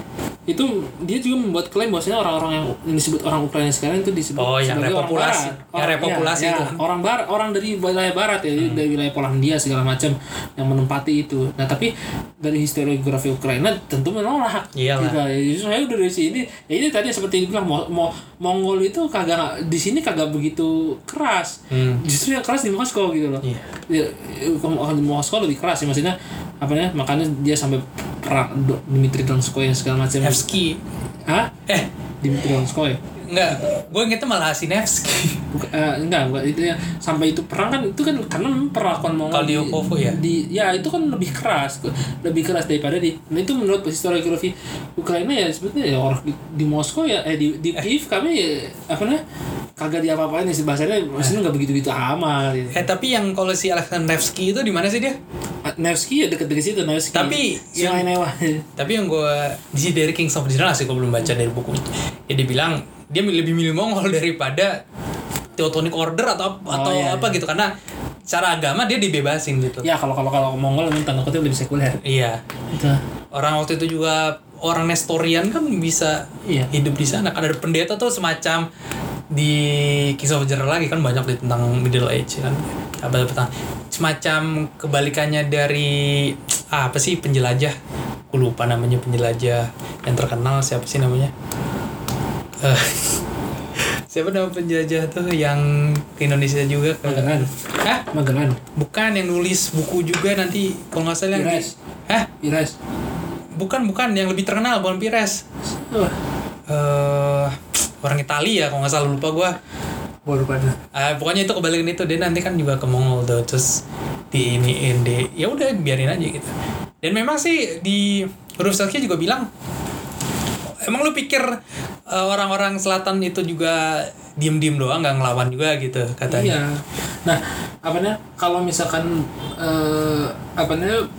pandangan yang Rusia ini kalau misalkan gue pribadi tidak sependapat bukan karena apa Pak. karena kalau gue kan memang se- bahasa ya Ah. eh, latar belakangnya jadi kalau misalkan eh, pendapat yang mengatakan repopulasi ini dari barat itu sebenarnya penduduk Ukraina sekarang itu sebenarnya bukan orang Rus orang bukan orang Rus yang itu tapi orang eh, Polandia atau orang Barat Hmm. itu nggak masuk akal eh, secara bahasa aja karena gini men- dari bahasa Ukraina yang di- dituturkan sekarang itu justru kalau memang oke lah dari segi kosakata memang banyak sama lah karena bahasa Slav lah Hmm. bahasa Belarus juga begitu tetapi masalahnya gini dari segi tata bahasa eh, bahasa Ukraina itu tidak apa ya apa banyak sekali perbedaan dengan eh, bahasa Polandia gitu. Dia justru malah masih masih eh, apa namanya masih eh, berkeluarga lebih dekat keluarganya dengan bahasa Rusia dengan atau bahasa Belarus ya. Hmm. secara misalkan contohnya yang dari segi tata bahasa mungkin secara singkat aja karena kan ini bukan kuliah bahasa.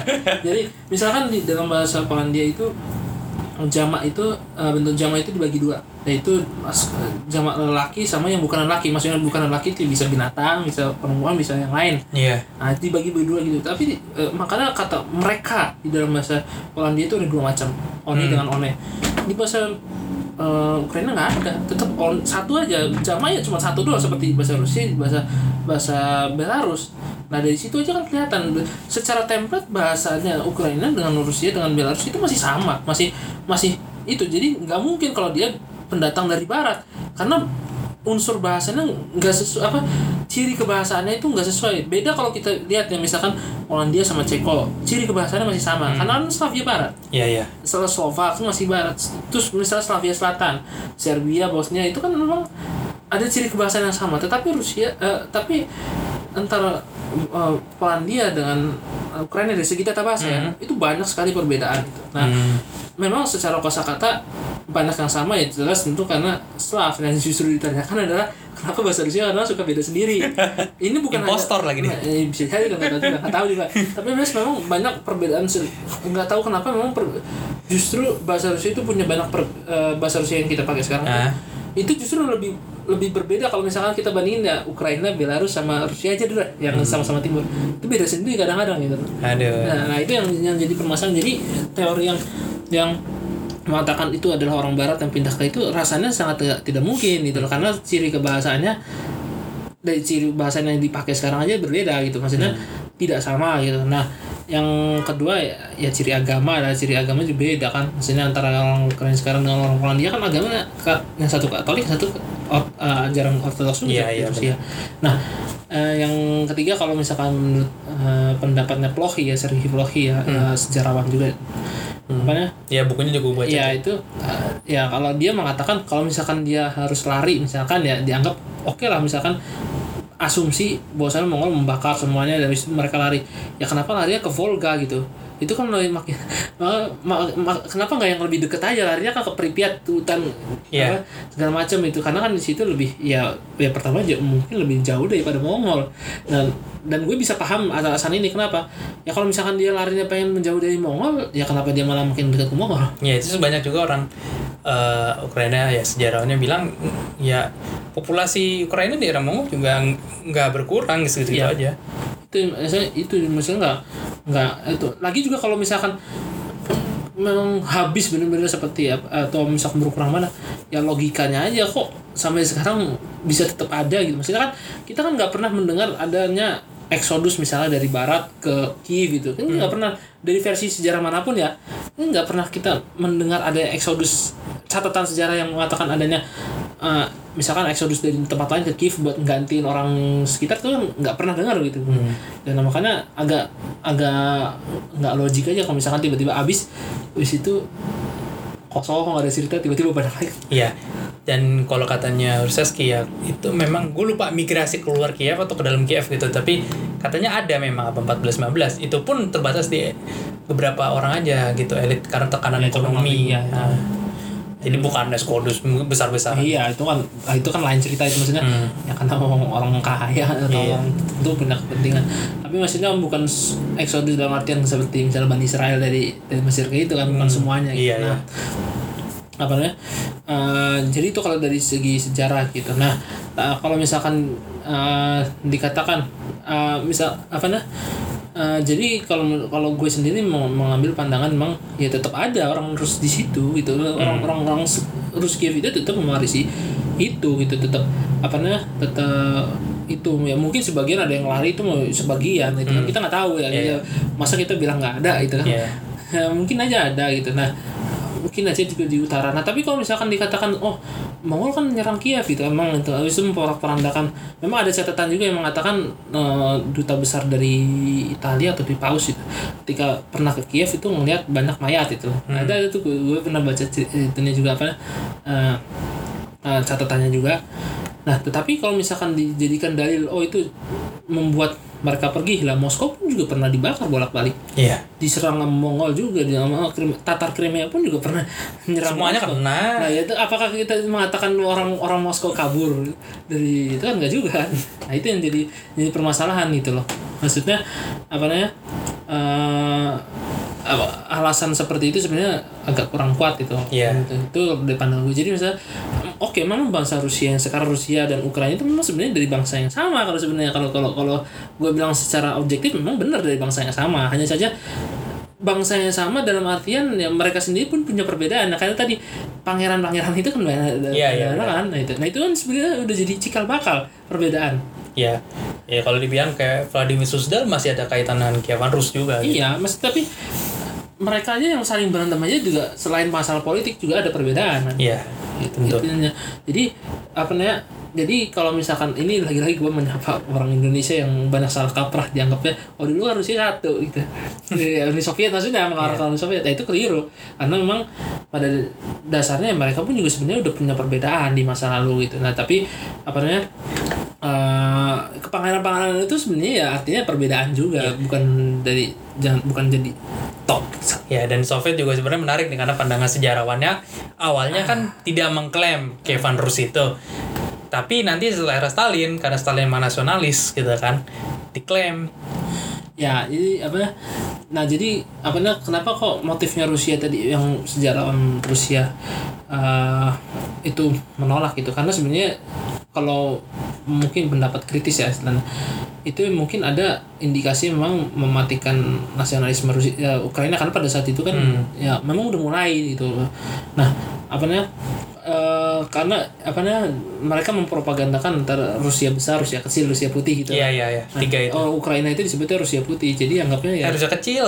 eh Rusia Putih eh ya, Rusia Ya, kecil Rusia Putih, ya, Belarus. malah, Rusia benar. Nah. Nah, apa nah? eh, jadi dianggapnya ya mm, eh, eh Rusia eh orang Ukraina orang Ukraina ya orang Rusia. Hmm. Dalam artian Rusia yang ini yang Rusia yang diterjemahkan seperti sekarang gitu loh, bukan Rusia yang dulu. Hmm. Ya, ya, yang tadi. Jadi memang agenda politik dari dari itu jadi biar tidak ada eh apa namanya?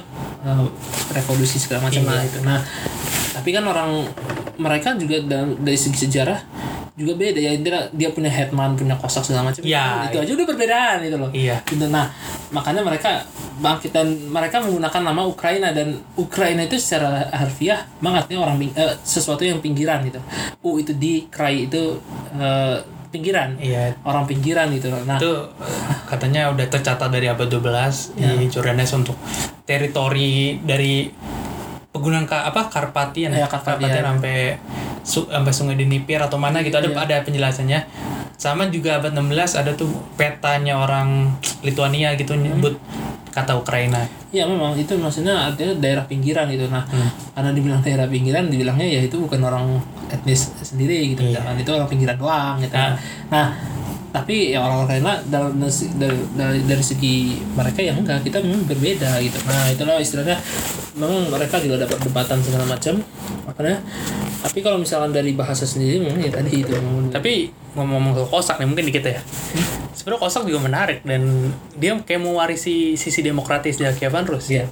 ya karena kan kosong begitu modelnya sis- apa eh, ya istilahnya bukan bukan kayak raja bis- Iya. maksudnya ya memangnya orang-orang kumpul Iya, pemimpinnya bisa didepos, digulingkan se- Iya. sewaktu-waktu gitu.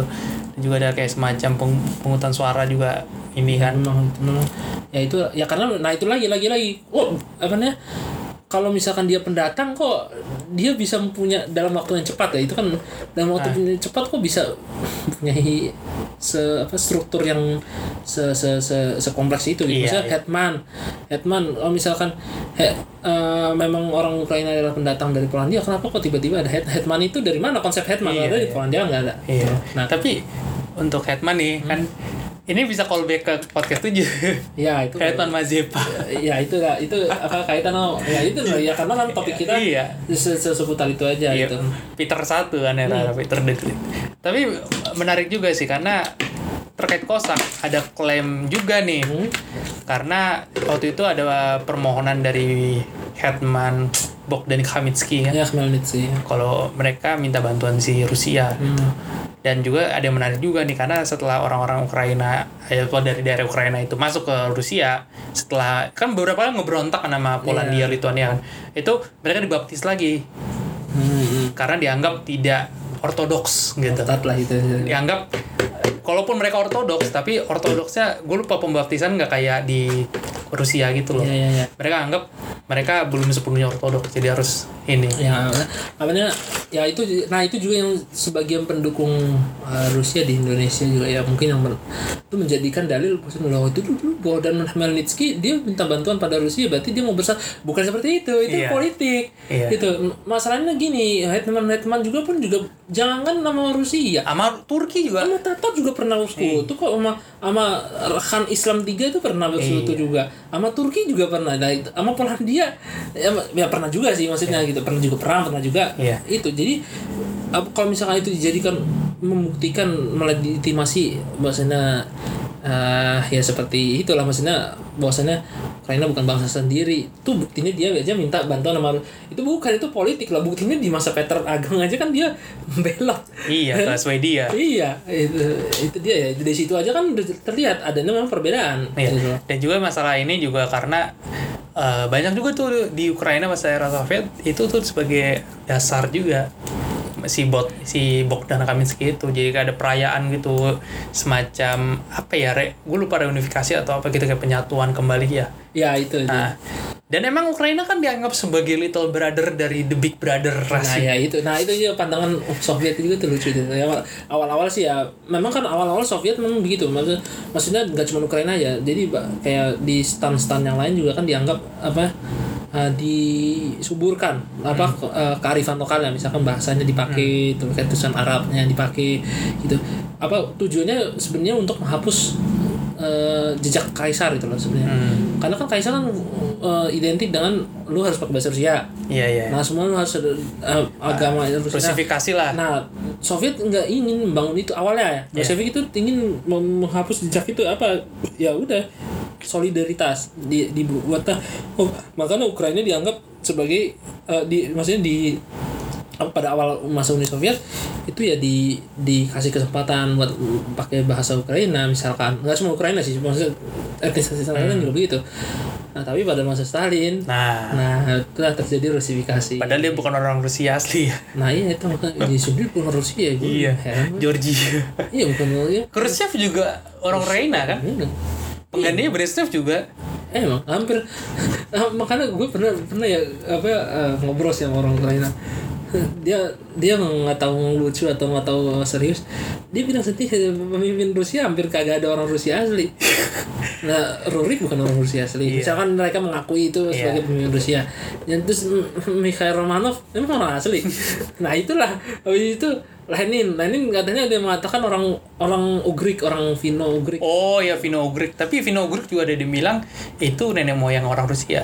ya dia bilang begitu. Iya kan? Nah, ada terus habis itu Stalin Nah, bukan. jelas sweet sweet home Georgia. Khrushchev orang Ukraina, Brezhnev orang Ukraina. Hampir kagak ada gitu loh. Gorbachev Ukraina juga kan? Iya, Gorbachev Ukraina juga gitu. Ya hidup di zaman Holodomor dia. Iya. Eh Holodomor Holodomor sih. Holodomor. Nah, tapi kalau Khrushchev mungkin sedikit ya. Dia menarik juga karena dia kayak ngasih semacam sama Ukraina semacam balik lagi tuh. Ya, karena kan destabilisasi. Iya. Itu karena karena Bisa dibilang mungkin dia yang oke lah banyak juga sebenarnya sih yang liberalisasi yang dilakukan kan kayak budaya barat masuk. ya itu ya kalau kalau Khrushchev kembali kepada misalkan memberikan ruang lagi kepada Ukraina kan karena destabilisasi gitu. Iya. Kan Kebijakan Rusifikasi itu kan Stalin banget. Sama mungkin karena dia orang Ukraina juga kan. Oh iya itu juga pasti. Cuma iya. maksudnya salah satu utamanya ya ya bagaimana menghapus cara Stalin. Iya lah.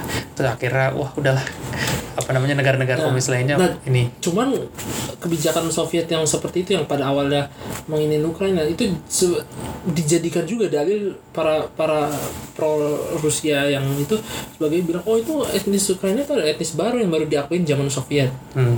Nah itu dia menga- mengatakan demikian itu padahal kan ya meskipun entahlah namanya etnisnya itu apa sebelumnya mau namanya Ukraina kayak mau etnis apa kayak tetapi jika bakal perbedaan itu udah ada sebenarnya gitu loh jadi bukan benar-benar sesuatu yang hal yang baru.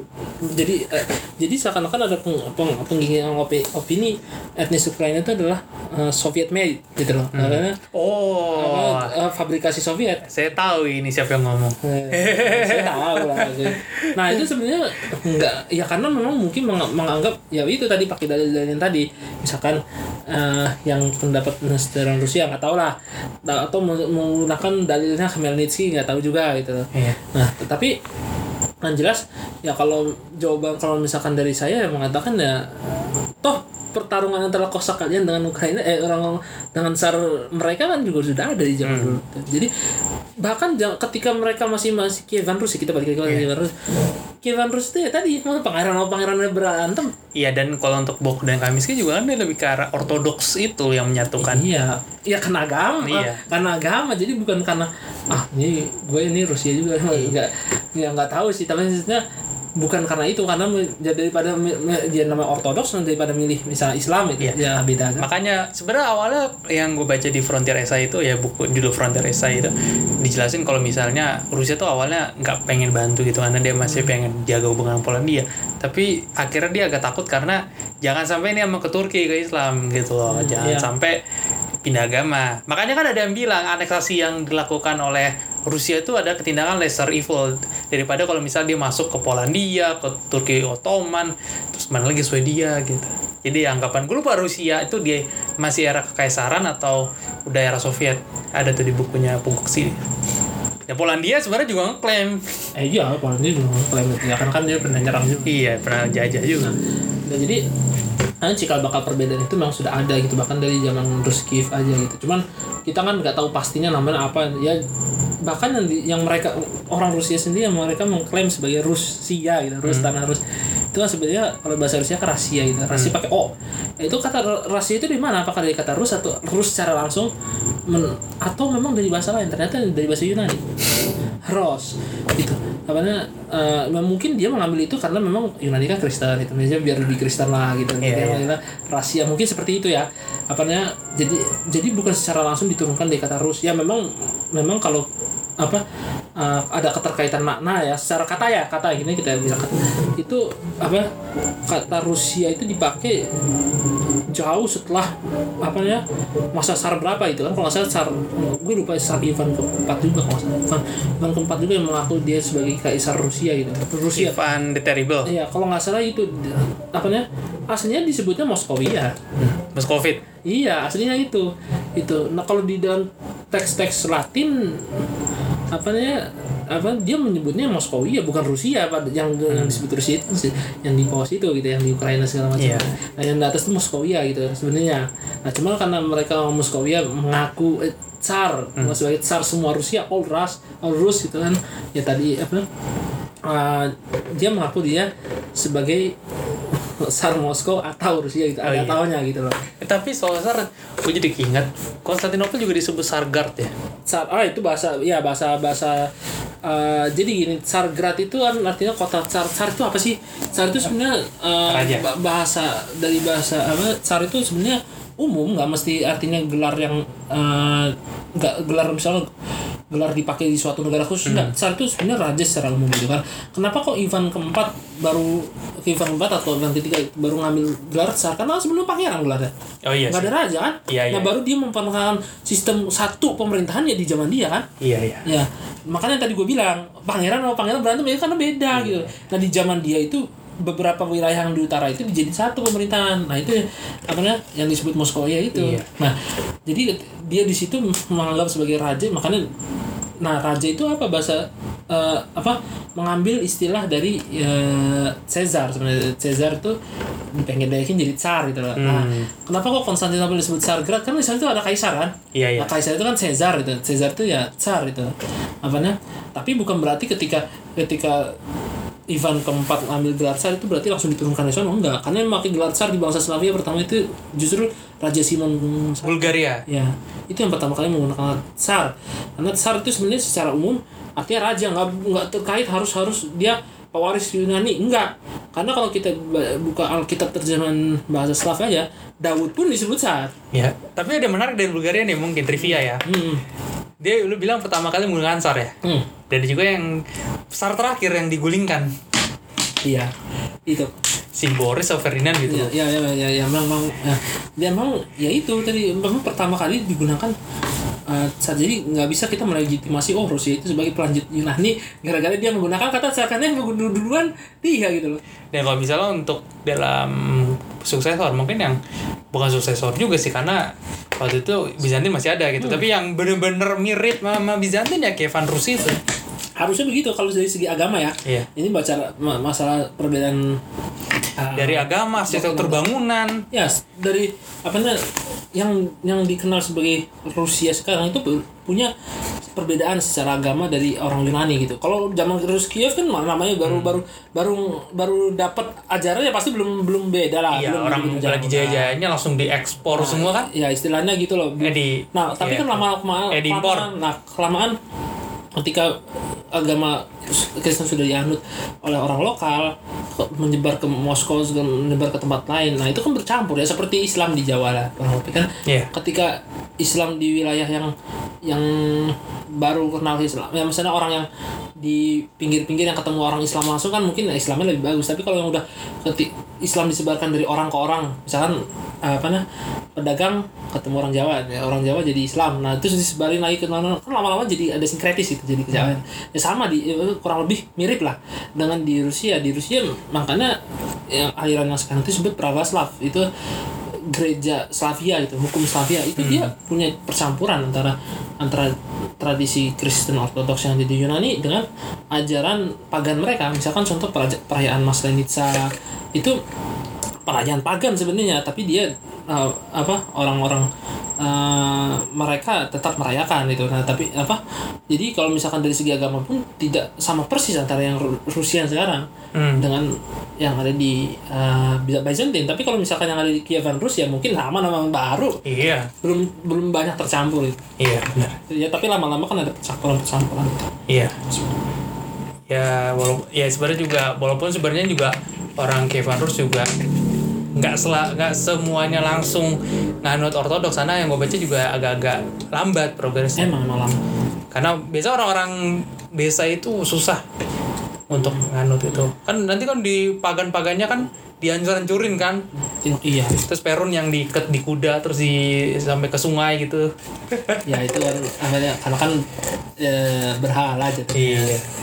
Terus kayak si Vladimir juga kayak nganggep akhirnya saya tercerahkan gitu kan tobat gitu nah itu kalau dari pokoknya uh, dan apa namanya yang jelas samar-samar lah kejatuhan harus Kiev itu yang jelas intinya ya tadi setelah kejatuhan Mongol serang Mongol ya itu kan kita nggak tahu ya namanya on pada saat itu kan pangeran-pangeran ya udah jadi otomatis Iya. otomatis gennya sendiri-sendiri Ya Karamzin juga di sebenarnya ini buku memoirnya gitu. Dan dia juga sebenarnya di buku yang ini nggak banyak nulis tentang Kiev gitu, cuma berapa halaman. Tapi dia intinya tuh dia bilang ya jatuhannya Kiev itu ya salah satu dari orang-orang yang berantem ini yang dia kayak mengutuk ini, mengutuk pangeran-pangeran itu yang berantem yang semacam mengorbankan rakyatnya, mengorbankan negaranya gitu. Karamzin gitu bilang. ya itu makanya makanya itu dia itulah apa namanya eh, jadi ya istilahnya apa namanya yang perlu ditegaskan lagi adalah harus Kiev itu ya memang pangeran-pangeranan gitu. Iya. Emang walaupun pusat Moskow jadi bukan tapi bukan sebagai eh, bukan tanda kutip sebagai ada satu raja yang top utama gitu. Maksudnya ya oke pusat di Kiev tapi mereka pangeran-pangeran punya kekuatan Iya. sendiri. dan pangeran kenapa mereka ribut-ribut juga karena dijelasin juga nih di bukunya si si Rusia atau si Getnevsky atau siapa gitu gue lupa Getnes Getnesky atau siapa pokoknya namanya mirip-mirip itulah dijelasin kalau misal pangeran itu kenapa dia pengen uh, nguasain suatu wilayah karena kenapa dia pengen jadi pangeran deh itu karena kan kontrol ekonomi Ya iyalah. Ah, bukan politik doang, ekonomi salah satunya. Jadi dia netapin tarif, dia netapin misalnya harga atau gimana dia. Ya iyalah kalau kalau semua juga ujungnya Iya. ujungnya duit lah. Kalau kagak ada duit mana mau. Iya. Makanya. jadi kita sekilas, tentang uh, Rus Kiev jadi apa namanya uh, s- mungkin kalau nggak tahu mungkin bahasanya rangkum kali ya Ah. Uh, kalau ngerangkum ya istilahnya uh, istilahnya uh, uh, apa namanya uh, bangsa Slav yang ada di situ dia akhirnya yang tadi nggak punya pemerintahan dia akhirnya uh, ngundang orang lah istilahnya Ya, Ngundang tergantung lu orang. perspektifnya anti Norman.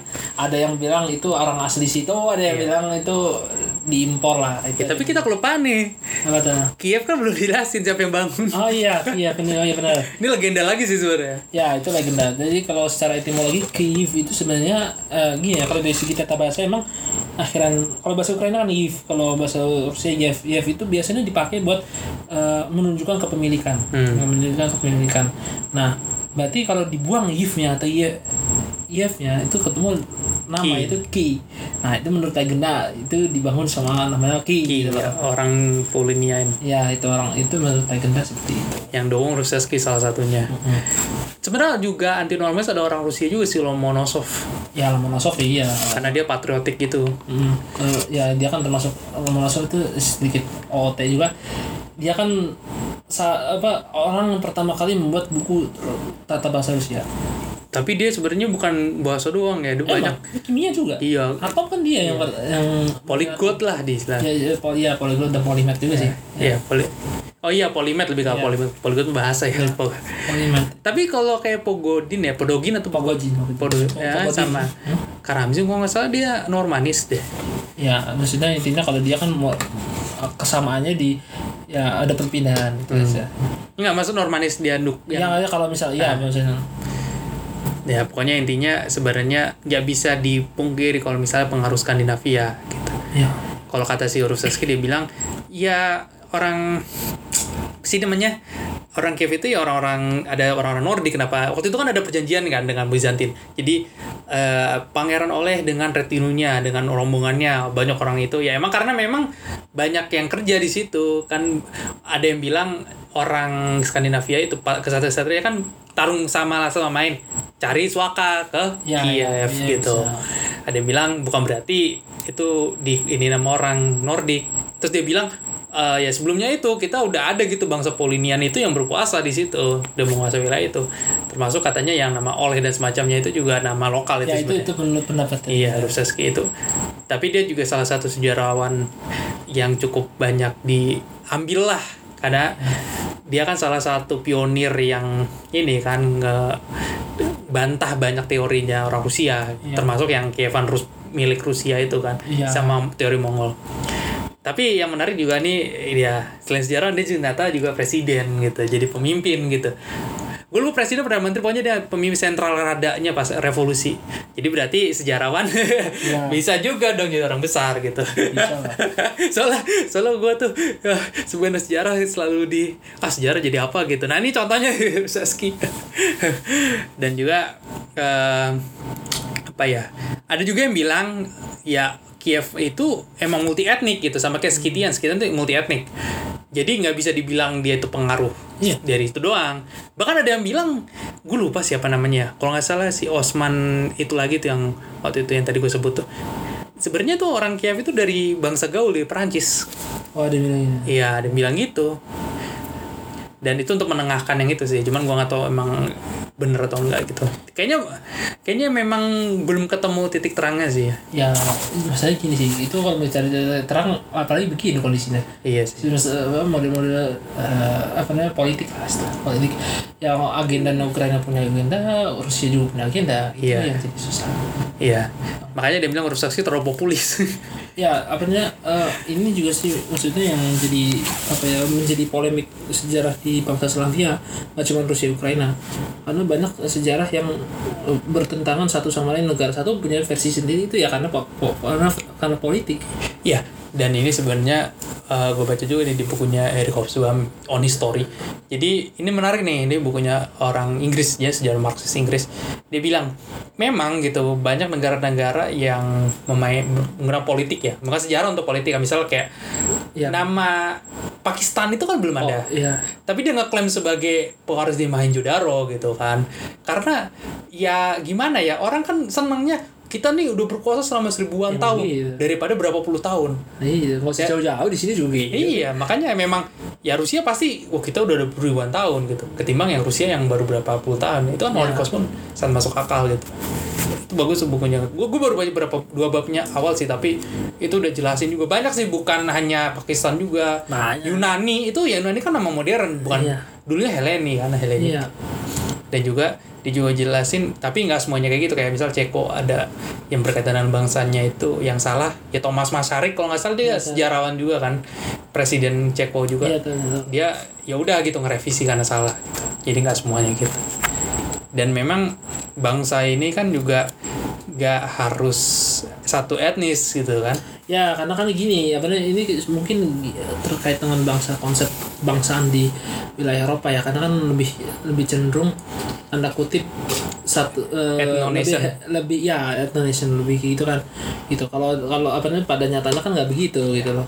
Kalau kata Soekarno di bukunya benda di bawah benda revolusi bangsa itu bukan hanya kesamaan agama kesamaan apalagi itu suku dan sebagainya tapi kemauan untuk hidup bersama kata dia. Itu, yang itu ditekan ya gue setuju di di, di, di Iya. sini gitu. Ya ke Indonesia aja gitu. Ya harusnya begitu kalau misalkan udah nggak mau bersama misalkan orang bangsa Ukraina maunya sendiri gitu. Iya. Ya dia ya harusnya harusnya sama-sama saling mengerti lah harusnya gitu. Ya kesamaan etnis juga kan banyak juga etnis yang sama kayaknya berantem berantem juga. Oh iya kan nah itulah ceritanya. Oh, oke kayaknya sampai sini ya ya udah ngalor ngidul lah iya udah udah Nggak apa lah Iya, jadi intinya kita tadinya sih sebenarnya kita mau bahas lebih haus tentang nasionalis Polandia modern dan semacamnya. Cuman takutnya terlalu panjang, ya enggak? Sumbernya juga banyak. Ini Kievan Rus juga banyak nih sumber sumbernya. ya sebenarnya banyak dan dapatnya eh dan istilahnya pandangan historiografisnya itu Iya. sih. yang, yang apalagi masa-masa sekarang kan sensitif jadi Iya. agak-agak ini juga sih Iya. Tapi kita ingin semacam ngasih tahu kalian kalau misalnya oh begini loh sebenarnya yang kita pelajari yang kita uh, teliti begini gitu. Kalau misalnya ada punya pandangan ya berbeda silakan tapi tetap harus punya da- datanya gitu. Jangan karena masalah apa? sentimen saja. ya itu itu yang Iya, karena kita ya cukupnya orang kalau ngomongin sejarah harus punya sumbernya ya, gitu. begitu Kalau bisa sumbernya banyak gitu. ya kalau kata dosen gue 10 itu itu mah ini ya apa eh, formalitas ini apa eh, akademis iya tapi kan emang bener sih maksudnya memang seharusnya memang Nah, gitu. kalau bisa tuh yang dari dua sumber kayak gue ngambil dari orang Ukraina sama ambil orang Rusia. Memang begitu, harus ya kayak tadi yang kita Iya. sebutkan ya, apa orang Rusia berpandangan seperti ini, orang Ukraina Iya. seperti ini. Nah, urusan kita lebih lebih condong ke mana berdasarkan pemahaman itu kan beda Iya, lagi. beda lagi. Setidaknya kita eh, walaupun kata ini dari episode satu sih, eh Hakar bilang lu nggak bisa objektif 100%. Betul. Ah, tapi setidaknya lu tuh eh, mencoba untuk adil karena bagi dia sejarawan itu semacam eh, arsitek gitu, tukang bangun rumah. Jadi dia memilih sumber-sumber itu dibangun sendiri. Dari pilihan sumber-sumber itu jadi sebuah tulisan. Itu kata di- Itu harus benar-benar bagus, lu harus benar-benar apa namanya? teliti dan semacam ya itu setuju, setuju. makanya ada kata dia lu jadi lu jangan nganggep remeh sejarah gitu kata dia bilang orang banyak bahasa sejarah kan dianggap gampang. Oh tidak kata dia. Kita tuh sama seriusnya dengan ilmu saintik gitu ilmu sains alam. Wah ini pembahasan menarik. Ini pembahasan lain. Ini ini temanya udah beda ini, ini kalau dilanjutin lain ini. ya udah ambil itu lah mungkin nanti ya. Maksudnya soalnya gue kesel soalnya dibilang sejarah tuh gampang. Apaan sejarah? Risetnya banyak. Ya, curhat itu. Mah. Iya, nggak apa-apa lah ya kan Iya. terakhir-terakhir. Oke, mungkin sampai sini dulu. Dan nanti kalau misalnya memang banyak yang tertarik, kita mungkin bisa bahas Rusia, Ukraina lagi ya, mungkin Ya. Mungkin ke revolusi 1917-nya atau ke Kosak mungkin. Ya, ya itu ntar lah. Iya, bener. mungkin nanti lah. Nanti kita lihat dulu. Ka- Kalau misal pada ada yang request ada apa ya kita iniin. Kalau enggak ya mungkin nanti kalau ada waktu ya. Hmm. Atau enggak tentang mungkin Yang lain lah apa gitu lah. ya tentang mungkin tentang Eropa Timur, mungkin tentang Ya? Polandia. Nih, sebenarnya sebenarnya gue ada gue ada gue sebenarnya kepikiran juga sih mungkin ya sebelum ini. Gue nganggep mungkin ya, ini mungkin di bisa jadi bahasan sendiri. Menurut gue Polandia itu sebenarnya musuh lebih alam musuhnya lebih gondok di Polandia ketimbang Ukraina ke Rusia menurut gue sih. Maksudnya gimana sih? Mungkin kebencian orang Polandia ke Rusia kayaknya mungkin lebih orang Ukraina nggak sih? Oh iya. Nah, ya. itu mungkin jadi bisa jadi bahasan tersendiri gitu. Iya, iya. Karena orang jarang tahu juga kan. Nah, ini kalau ini sih saya udah punya bahannya. ya udah mungkin nanti kalau misalnya ada yang ini kita gue juga penasaran nanti ini perlu riset juga karena Ya, panjang juga panjang, toh. Uh, dan ya mungkin kalau misalnya nanti ada yang mau sumbernya nanti bisa lihat Instagram. Karena kita akan selalu kasih link G drive-nya gitu. Dan ya oke lah sampai situ dulu. Mungkin semoga episode kali ini berguna ya untuk menambah apa namanya? Ya saya wawasan lah sedikit. ah, sudut pandang gitu. Jadi eh, tidak terpengaruh oleh pemikiran-pemikiran yang apa, mainstream Ya, gitu. Tidak terpengaruh oleh bacaan WhatsApp ya. iya dan lebih teliti lagi lebih bijak lagi dalam menyaring sebuah informasi gitu. Agar ya apa ya salah satunya kita tuh kritis gitu loh. Jadi nggak langsung ambil langsung percaya. Dan ya semoga orang Indonesia juga bisa lebih kritis ya. Ya, sih. Ah, bisa rajin baca juga banyak gitu. Dan kalau mau malas baca yaudah dengerin aja podcast. Dengerin podcast atau enggak YouTube YouTube dulu gitu kan. Nanti baru nanti mungkin ke buku. Oke mungkin sampai sini dulu Eh, gua Mr. D dan Bapak nah izin pamit undur diri. Dadah. Ya.